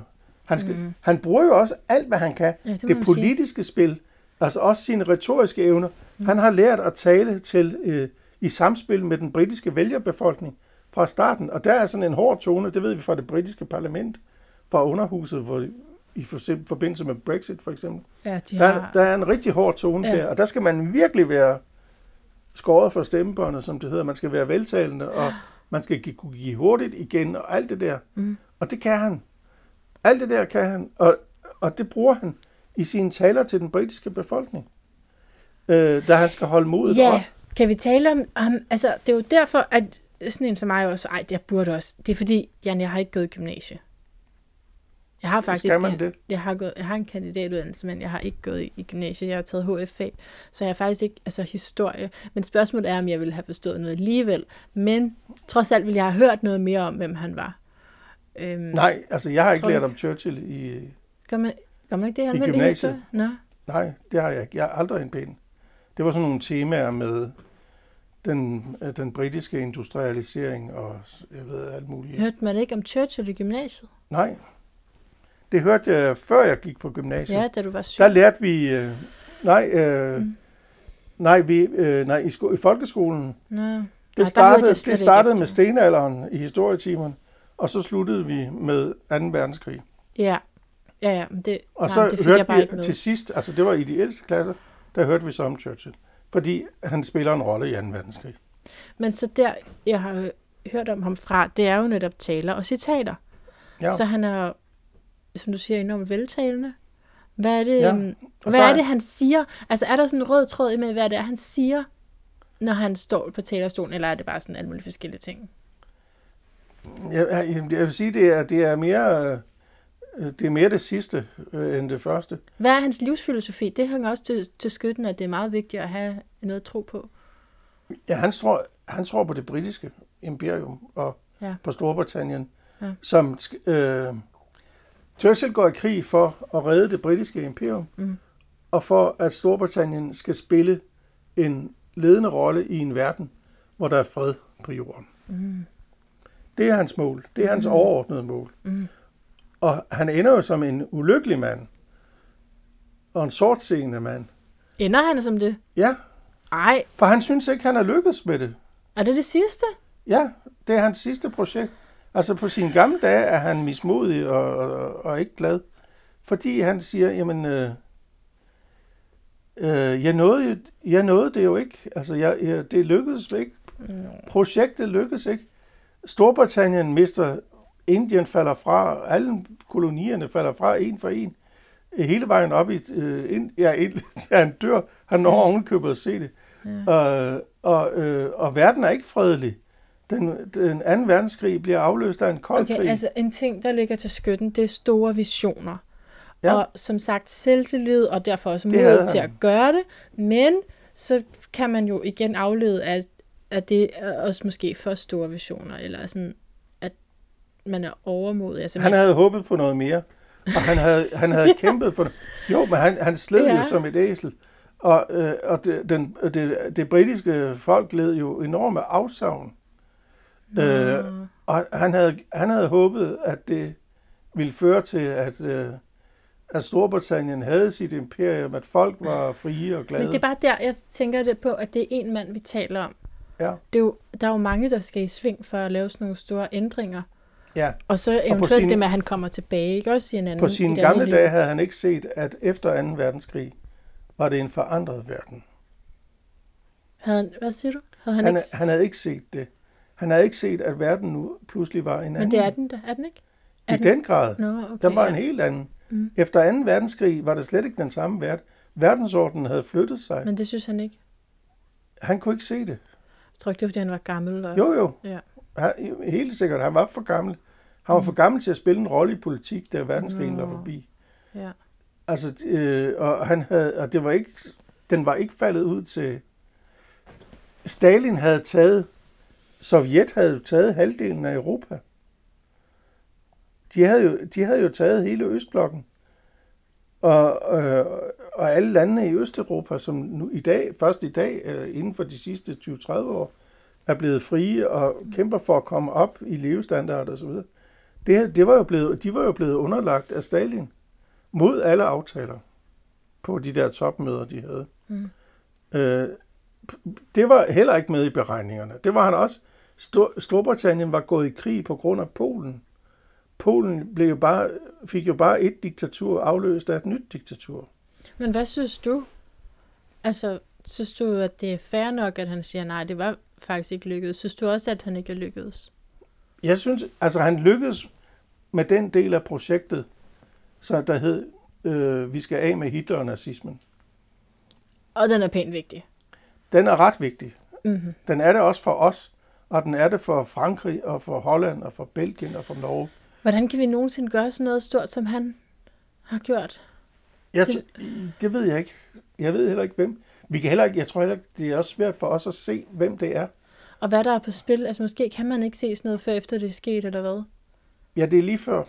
Det, jeg tror, det, er- det er lige før. Hvad med pandemien? Er der ikke et eller andet stort at gøre med det? Var der ikke nogen, der kunne redde dagen med det? Der kunne øh, redde verden med den der pandemi. Ja, fordi altså, alle historier bliver fuldstændig ligegyldige, hvis vi bliver udryddet, ikke? Hvis det er det, der Ja, vil ske. jeg ved ikke med pandemien. Jeg synes jo i grundlæggende, men det var det jo også under 2. verdenskrig øh, og i 30'erne og så videre. Øh, Grundlæggende så, at, at dem, der slår, dem, der, dem, der tager slaget, det er jo den almindelige befolkning. Det er jo dem, det er jo dem, der retter ind. Det er dem, der tager mundbind på og opfører sig ordentligt og fornuftigt. Det er, jo, det er jo dem, du kan takke for, at vi er ved at få kontrol over pandemien her i Okay, Danmark. det, det Vi, jeg har lige set ja. i øh, nyhederne, at vi er ved at have opnået Mm. flokimmunitet, på grund af, at folk bliver vaccineret. Så du er slet ikke skeptiker med det? Med pandemien. Ja, eller med hurtige Ikke vacciner? den her nuværende, men den næste. Er du skeptiker med, den, med Delta? Eller? Jeg ved ikke engang, har den et navn? Har Jeg, den? jeg troede, den hed Nå, Delta. det er en, bare en ny variation af Nå, den samme. okay, jamen, jeg er så fældet. Men, øh, øh, men øh, jeg er bekymret for den næste pandemi. Ja. Hvorfor? Øh, Hvorfor? og den nye verdensorden er jeg da også bekymret over. For Ja, der kom, kommer der ikke en ny verdensorden i Den er kølvandet? på vej. Den er, ja. Det vi har oplevet i USA er jo USA's fald. Okay. som, øh, ledende, som ledende stormagt i verden. Så En position, amerikanerne har haft siden 2. verdenskrig. Den fik de jo med 2. verdenskrig. Øh, men vi, vi står jo over for Rusland som et stort, øh, som et stort øh, mm, jeg ved ikke, diktatur, havde jeg nær sagt, men i hvert et stort autoritært land, og Kina også som et stort autoritært land øh, som er jo ved at slå os med deres egne midler. Øh, Jeg lytter meget intens lige nu. Kan du høre det? ja, Kan du se jo, det? jo. Fordi hvad, jeg vil gerne forstå, hvad det er, vi står i lige nu. Jamen, vi står over for en verden, der i, i, i, øh, med, med USA og Vesteuropa, og vi er ikke engang enige. På den ene side, vi er splittet op i tre, USA en, Ja. Storbritannien en, en, en anden, Vesteuropa en tredje. Ja. Øh, men øh, vi, vi står for os selv. Og så over for Kina og Rusland? Ja, vi står over for Rusland, som jo er en, øh, en autorit, et stort autoritært land, øh, som jo øh, udelukkende er interesseret i at ødelægge det for os. Vi de- står over for en muslimsk verden, Nå, ja. som jo heller ikke er interesseret i, at vores vestlige livsstil skal blive dominerende. Nej, den forstår jeg, men hvorfor er, Og, Rusland og vi står også over for Kina, hvorfor er de sure på os? Hvorfor er Kina sure på os? fordi Kina, de har, de har magtpolitiske, geopolitiske drømme, og de er rigtig farlige. Af alt det her, jeg har lige har nævnt, der tror jeg, at Kina er de, er Farligste. Dem, er de farligste, hvis vi kan sige det. Geopolitik, er det politik? Nej, hvad er det? Det er politik, så det er verdenspolitik Okay. øh, med udgangspunkt i landkortet. Ja. Når, øh, når Rusland for eksempel i dag ser, ser sig selv, synes, Rusland synes, Putin synes, at Rusland skal være en stormagt, fordi det berettiger Ruslands størrelse til, der er ni tidszoner fra den ene kyst til den næste, Hold da kæft. og øh, og det er et kæmpe land, og så, så synes Putin ikke, at han får nok. Han får ikke respekt som en leder for et kæmpe land. Men øh, russerne har jo det problem, at de har jo ikke rigtig noget, vi vil have. Vi i Vesten er jo ikke interesseret i noget. Vi synes, deres popsange er mærkelige. Deres tøjmåde er heller ikke noget, vi er ude efter. Deres sprog er Vi er uforståeligt. jo bare forskellige. Ja, ja, vi er bare, ja jo, men de har ikke noget, vi gerne vil have. Nej. Så vi kigger ikke rigtigt derover. Nej.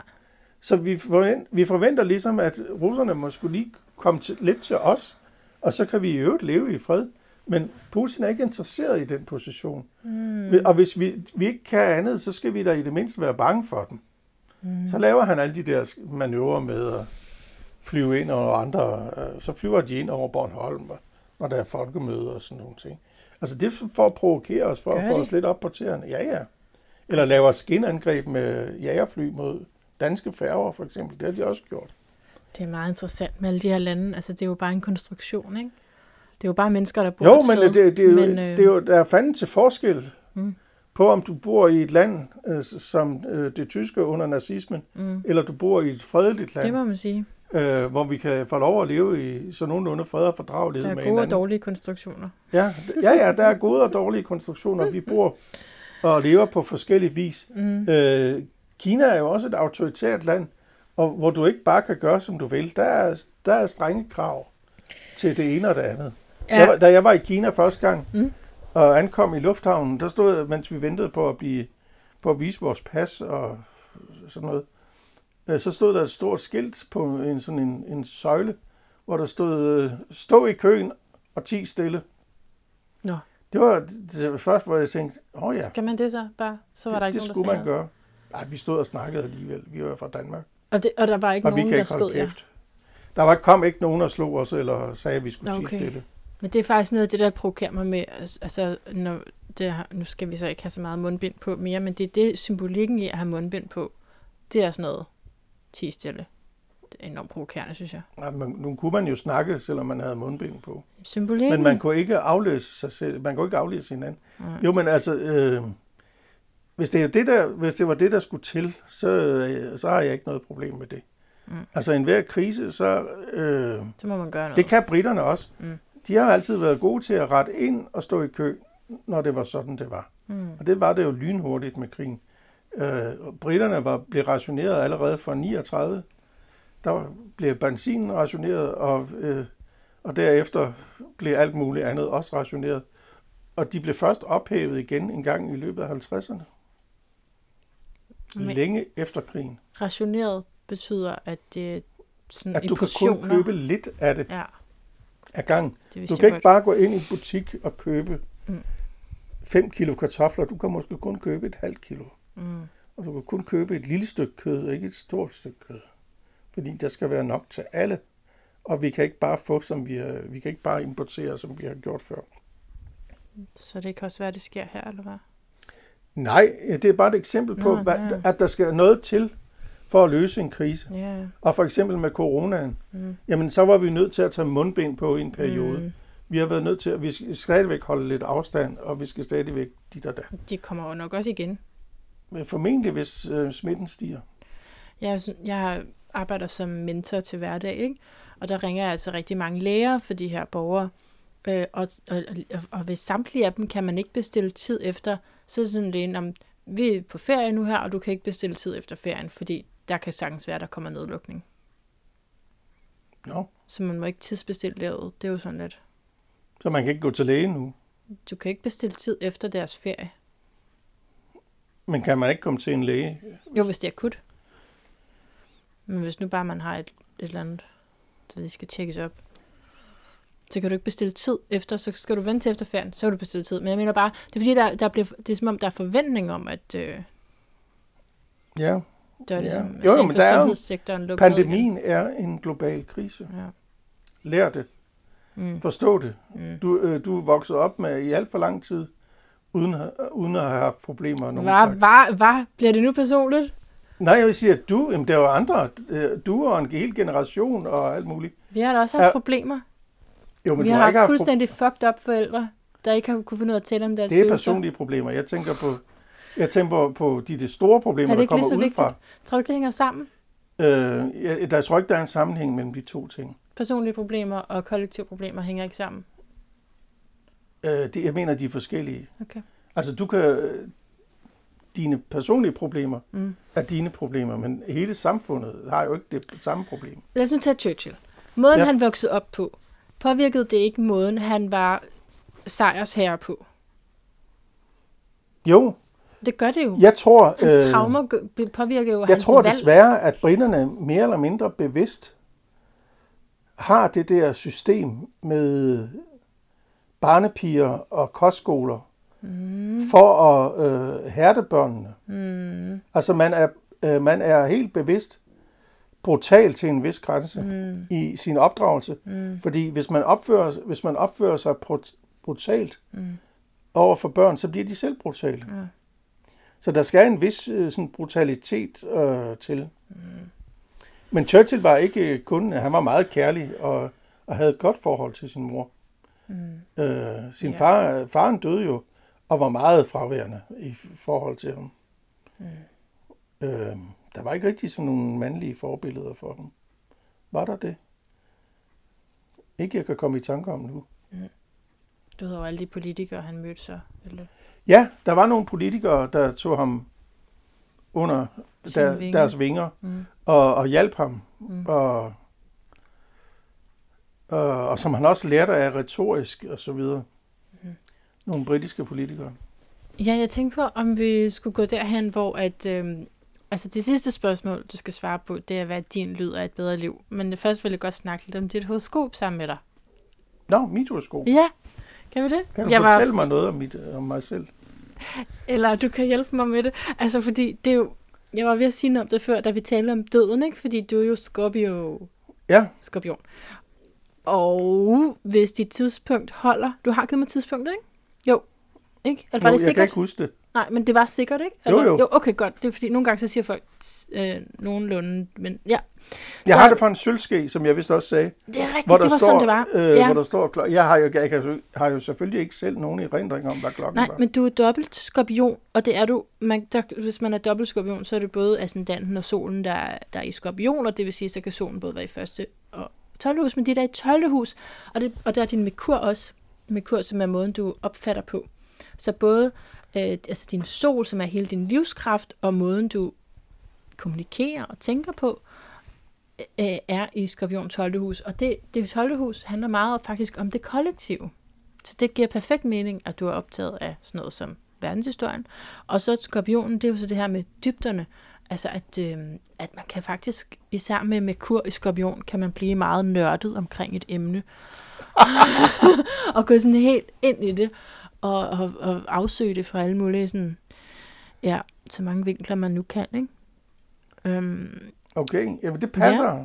det, men det var da, det var da heldigt. Er, det, er det noget, du... øh, Hvorfor har du det fra? Er det noget, hvordan? Men jeg kender jo arketyperne, så øh, Er jeg en arketype også? det, vi har alle sammen, der er 12 arketyper, ikke? Der er 12 arketyper, det er 12 stjernetegn. Nå, Og, og så er der også 12 huse, og så er det så, astrologi er jo så det at prøve at, så at kombinere alt det her, øh, fordi det, det hele, man kan sige, vi, vi er alle sammen det hele, fordi astrologi er beskrivelse af, af vores øh, bevidsthed. Men så er vi som personer mere tjekket ind i det ene frem for det andet, og det er så der, hvor man siger, okay, solen var her, da du blev født, ikke? og alle planeterne var her og her, og stod sådan her i forhold til hinanden. Svarer jeg på noget af det, du spurgte om? og, og, ja, du har svaret. Jeg har Okay. ikke svaret. Okay. jeg, svaret. Nå, men, nå, jeg tænkte, jeg har bare sige... bekræftet, at det, Nå, det, okay, det var i okay. hvert fald ikke forkert. Nå, det er godt. Altså, det ved du hvad, hvis man bare kunne få det at vide i skolen, ikke? at det ikke var forkert, så ville jeg være glad. Nej, øh, så øh, tænke på at øh, sige til dig, at øh, det her med 12. hus, det er også noget med at være i baggrunden. Og det har du faktisk flere steder i dit horoskop, så derfor er jeg også enormt glad for, at du sagde ja til at blive interviewet af mig, fordi der er jo andre, hvor det er ret tydeligt, at de sådan, øh, de vil også gerne være med, fordi de kan også rigtig godt lide at være på. Det vil jo altså være en begrundelse for mig selv, hvis jeg sagde ja til noget, så ville jeg også, ej fedt, så kommer man lige med i det, eller sådan. Men hvor det er du faktisk slet ikke motiveret af, ifølge det her. Fordi du kan godt lide at være i baggrunden. Det er vist både 12 hus, men også øh, din Mars, som er i fisk. Det vil sige, det er sådan, du er optaget af he- at, at dele alt det her. Klart nok, den er i tredje hus, så du vil gerne dele og kommunikere om det. Ja. Men du har ikke nogen personlig motivation til at øh, være i center. Kan du genkende det? Nej, ja. Ja, på et tidspunkt var jeg, øh, øh, da jeg læste i Aarhus, der var jeg, der var jeg med til at lave studenterrevy. Og jeg var ikke interesseret i at stå på scenen. Jeg valgte at blive instruktør af studenterrevy. Ah. Det passer mig udmærket at være Ja. general bag Ja, fronten, ja. ja. ja. kan man sige. Mm. Så det, det, er, det, er det ikke lidt det, du siger? Det er 100% det, jeg siger. Perfekt. Det er 100% det, jeg siger. Det, derfor passer det mig også godt at være skrivende journalist, Mm. fordi dem, dem er der ingen, der ser, og der er ingen, der kan genkende dem. Nej. Frem for, hvis jeg var journalist på tv, så ville jo hele landet jo vide, hvad jeg var. Det er jo også svært at få forbindelse til dig. Det skulle jo gå igennem et andet led. Jamen, det er jo fordi, du ikke slår mig op i en eller anden bog. Telefonbogen, Ja, eller hvad? Findes sådan en ikke? det ved jeg ikke. Jeg ved det ikke. Der var der nogen, der ringede til mig forleden, Nå, øh, som havde fundet mig et eller andet på sted. fastnet. Jeg har ikke fastnet Nå, telefon. okay. Men øh, der var der nogen, der fandt mig alligevel. Nå. Så Fordi de skulle, så det må de have gjort. Øh, der er noget journalistisk øh, øh, snille, eller, jeg så du, men du ringede til mit forlag, ikke? Jo. Og så, sender, så gør forlaget det, at de sender din mail videre. Ja. Og så kan jeg svare, hvis jeg gider, eller, Lige præcis. eller hvis jeg synes. Det er det. Og så, og så er det sådan, det foregår. Der var jeg Men øh, jeg siger principielt ja øh, til os til at medvirke. Øh. Nu har, det, nu har der ikke rigtig været noget. Det var øh, rigtig skidt at udgive en bog sidste år. Ja, Og så kommer alle corona-restriktioner og nedlukninger. ja, fedt. Og så kan jeg ikke tage ud og holde foredrag. Nej, Og øh, så gør du det sådan her i stedet for. Får det lidt ud på den ja, måde. det, du er så den eneste. Øh, jeg, jeg, der var en eller anden højskole i Nordsjælland. Mm. Øh, og så de bookede mig til og spurgte, om jeg ville komme til en Mm. dag, og de kunne ikke rigtig, øh, de kunne ikke rigtig give mig nogen penge. Og så sagde men kan I hente mig i en bil, så er det også ok, sagde jeg så. Åh, oh, hvor du sød. Jeg sagde, kan, kan I transportere mig, så er det fint, for jeg er kun på cykel. Øh, og, øh, og det ville de godt. Men den blev flyttet tre gange, Nå, på grund af og til sidst så blev den aflyst, så opgav de. Ej, og det var endda frivilligt. Ja, ja. det er jo også meget fiskeagtigt. Ja. Men Ja. jeg var jo ikke fisk, vel? Nej, nej, men de, du har marsifisk og toldehus til fiskningshus, så, så det er sådan, der er noget selvoffring. Det koster mig jo ikke noget. Nej, Jeg gik jo bare glip af noget. ja. Og din, jamen, hvad, hvad vil du vide, nu vi har det her horoskop fremme? Det ved, kan, em, Hvad, har du et spørgsmål? Nej, ja, du har, sådan, ja, du har sådan set bare bekræftet mig. Mm, men det er det eneste, man laver som astrolog. Fordi hvis der er noget, som jeg siger, du ikke kan genkende, så, er man, så tager man jo, så tager jeg fejl. Men kan du fortælle mig noget, jeg ikke ved? Nej. det kan man jo ikke, fordi det her, det er jo dig, ikke? Men, men det, man Altså, kan gøre, jeg- jeg... det, man kan, jeg kan gøre dig opmærksom Så, på dig så selv. hvis du fortæller mig noget, jeg ikke ved, så er det fordi, jeg har løjet for mig selv. Eller har en forkert opfattelse af mig selv. Jeg kan gøre dig opmærksom på sider af dig selv, ja. Så kan jeg sige, det der, det er skyggen af den her arketype, og så kan du sige, åh, vent lidt, det kan Har jeg lige en mørk se." side? Jamen, det, det har vi jo alle sammen. ja, ja. Øh, ja, kan jeg vide, Hvad hvad, er min mørke ja, side? hvad for en del af dig skal jeg lige tale til her? Hmm. Um. Altså, du har, du har det her kvadrat imellem skorpion og vandbærer, fordi din måne faktisk er i vandbærer. Så hvor, hvis jeg taler om din måne, så er det, så det, det positive er evnen til, at du kan distancere dig nok til for eksempel at interessere dig for alt det her uden personlig involvering på den måde. Altså uden måske at, græde, når du læser om blod. Eller forstår du, hvad jeg mener? Du, du kan se tingene objektivt og skrive om. Forstår du, hvad jeg mener? Bare nik. Ja, ja. Okay, godt. Øh, så, øh, men den negative ved det, det er, at man også kan altså sådan, mm, glemme sig selv helt i det.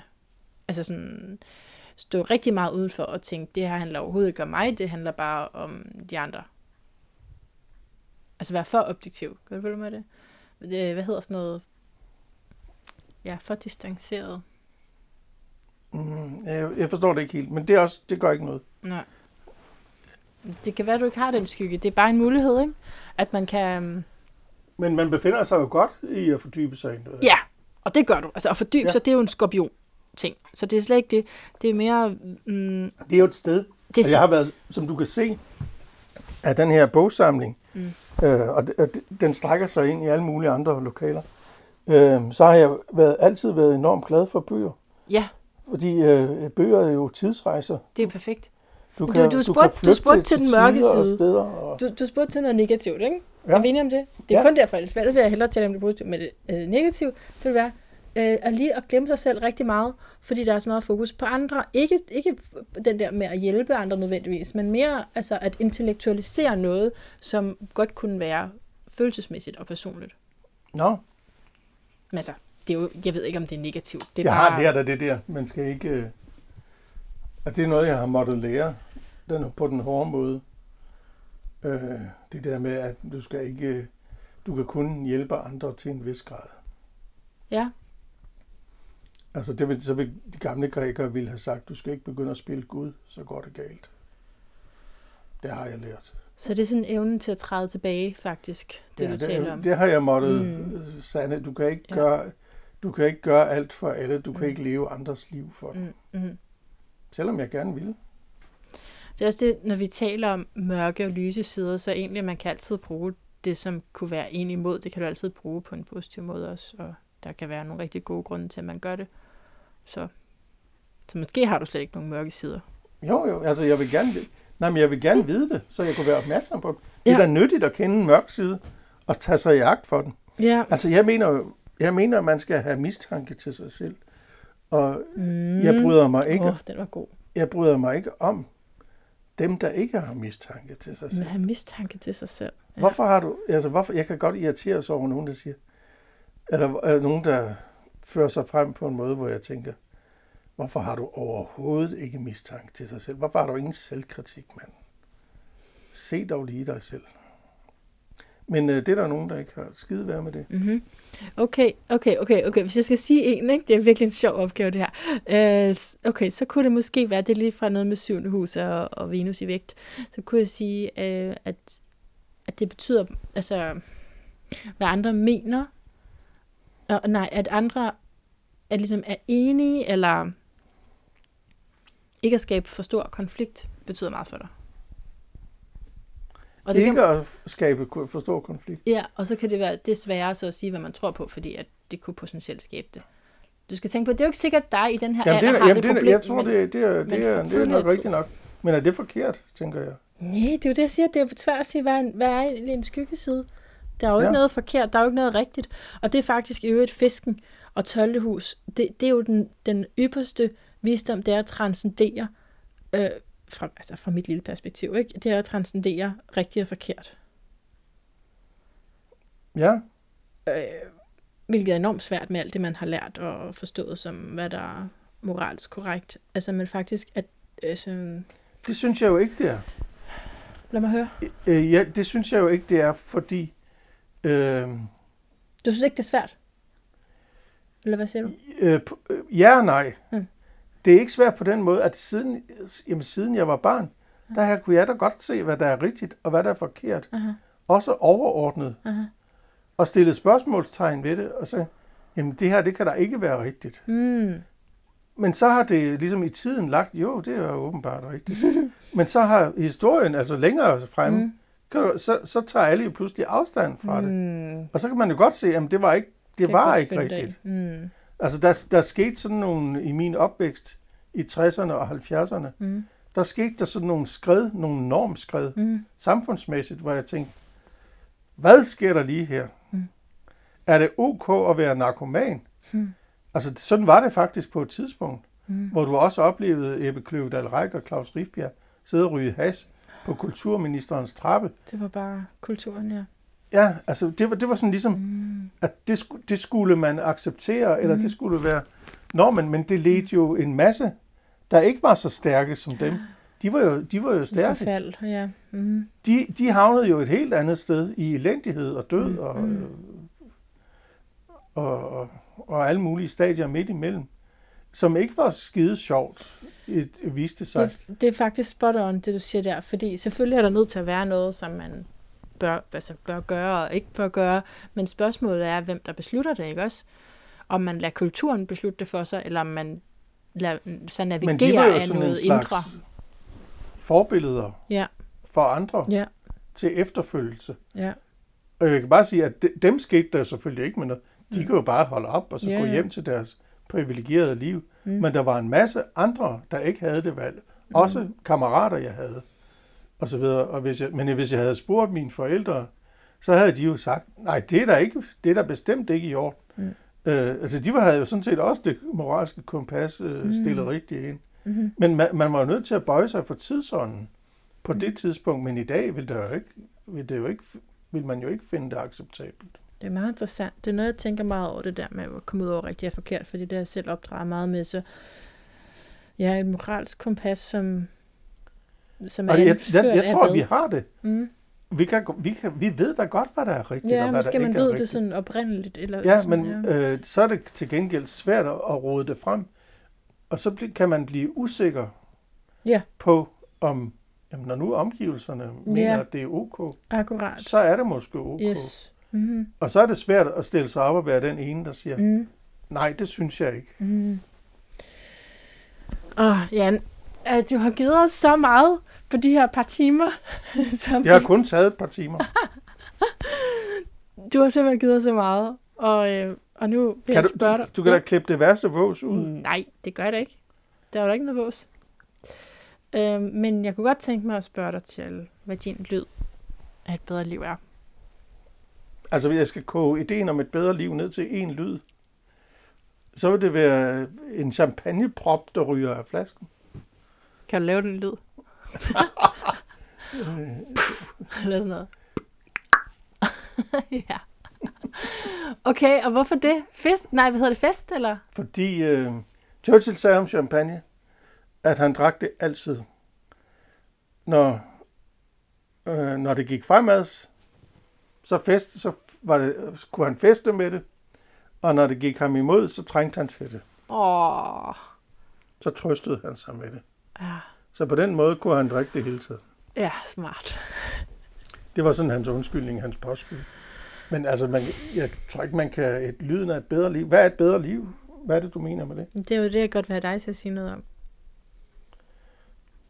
Der skal ikke så meget til det gode liv.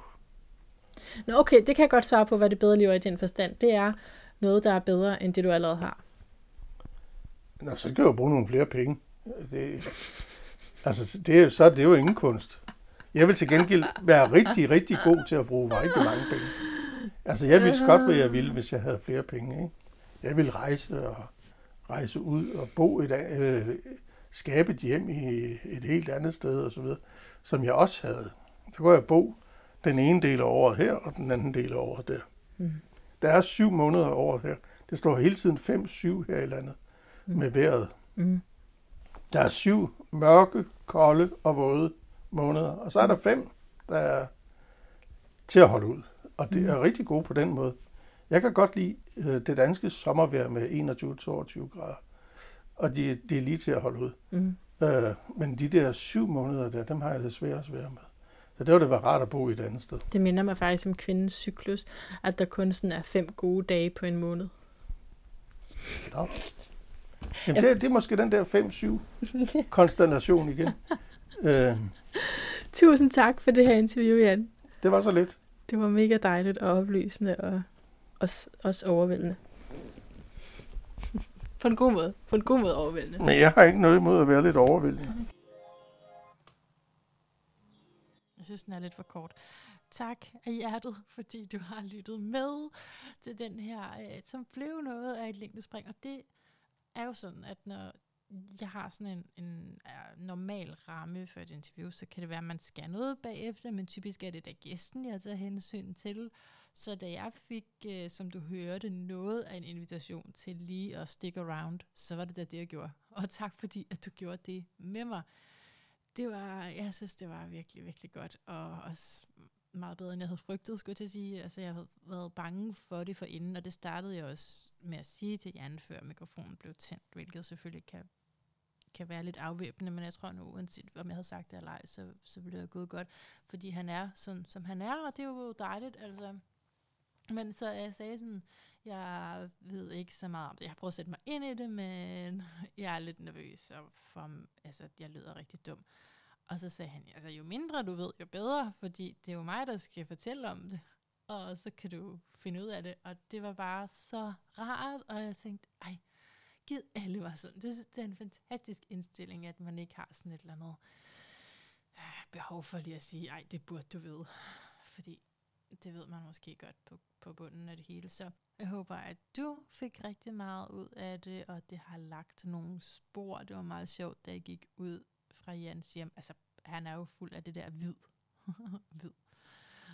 Fordi så sagde jeg, gider du lige tjekke, om jeg har glemt noget inde i stuen? Det er meget typisk, at sige det, fordi altså, ellers så skal folk til at sende mig ting. Og altså, jeg har i øvrigt aldrig fået det der. Kan du huske i sidste outro, sagde jeg ikke, altså sidste program, der sagde jeg det her med, at jeg havde glemt en masse Vive Salander. Der har jeg faktisk aldrig fået det tilbage. Det har jeg simpelthen ikke fået gjort. Det er for tungt at sende. Nå, så jeg, glem, jeg har det med at glemme ting. Det var det. Øh, og så, så sagde jeg gå lyn til, og så sagde han, øh, nej, du har ikke efterladt dig noget ud over det gode indtryk. Er det ikke sjovt? jeg synes, det var sjovt. Nå, så jeg håber, at det har sat nogle spor i dig også. Og øhm, ja, fortæl mig, hvad du fik ud af det. Jeg håber at også, at det her er okay med et øh, længere afsnit. Det er min fornemmelse, at øh, det folk ikke går så meget op i, om jeg deler det op, og jeg bruger for lang tid på at skulle sidde og dele det op og skrive tekster til to, så vil jeg hellere bare udgive det som en. Det var jo sådan her, det var. Ikke? Jeg kan jo godt lide det til det. Det var sådan her, det var. Og så kan det jo bruges til, når man sidder på de der længere ture, og man alligevel keder sig lidt. Så kan du jo kede dig sammen også. Ja, hvad skal jeg med at sige? Jeg tror, jeg tror det var det. Øh, ja, meget interessant det der med skyggesider, ikke? hvor man egentlig sådan, altså, og det, altså, det er jo bare typisk, at det er en skorpion, der spørger til det mørke. En, der er meget skorpionpræget, vil, vil typisk også til min sessioner gerne høre om, hvad, hvor er jeg forfærdelig henne. Fordi det er det, der sådan, også er meget dragende for skorpionen, de der mørke, dystre sider. Men øh, alt kan vendes til noget godt. Næste gang, jeg tror, at det på en måde er lidt i samme bane, så alligevel ikke. Jeg tror, at det kommer til at handle om noget politik, men jeg er ikke sikker. Fordi igen, jeg ved ikke, om de her aftaler, om de, de dumper mig lige pludselig, så kan det være, at det bliver om noget helt andet. Men uanset hvad, så kan du regne med, at det her magasin, lyden af et bedre liv, at det bare bringer dig spændende interviews. Altså, jeg blev for nylig også spurgt, sådan, at det er selvudvikling, det handler om, ikke? Jo, altså, det, jeg vil meget gerne i kategori med selvudvikling. Jeg synes, det er en kæmpe ære at få lov til at komme med i selvudviklingspuljen. Så ja, jeg siger altid ja, men jeg kan også godt se på det, jeg faktisk leverer, at det er også måske, altså, er det her selvudvikling? Det er det vel, fordi vi skal jo også vide noget om verdenshistorien. Men jeg ved det ikke. Altså, måske er det bare et øh, nysgerrigt program, som gerne vil lære alt muligt, som kan gøre, at vi får det bedre. Så. Okay, ikke mere snak herfra. Du har hørt så rigeligt, og, og tak igen for det. Du skal vide, at jeg virkelig værdsætter din tid, og det er det, jeg allermest værdsætter. Og så hvis man skulle lave et hierarki, så vil lige nedunder, det vil være, at du anbefaler podcasten til nogle andre, at du deler den. Altså, du må endelig gerne bruge de der sociale medier. Så har du brugt de, brugt de sociale medier godt, vil jeg sige, hvis du promoverer min podcast. Fordi jeg, det gør, kan jeg jo ikke selv. Så endelig del den, hvor du kan, og især snak med nogen om det, du hører, sådan, ja, det synes jeg da, det giver da mening, at man, man deler og lige vender det, og også altså, finder ud af meget mere, fordi det her er som regel bare et startskud. Nogle gange starter vi midt i, nogle gange starter vi rimelig meget from scratch, som i dag. Men uanset hvad, så er der jo altid meget mere til historien, og meget mere til de emner, som bliver taget op. Så tal, del, spred og send øh, noget god energi her til. Det er jeg meget taknemmelig for, indtil vi høres ved igen. Gentænk alt, måske især den historie, som verden lige nu er ved at skrive. Altså den verdenshistorie, som der bliver skrevet lige nu, hvis det var, man skrev det. Lige, altså lige efter. Det, som er lige nu,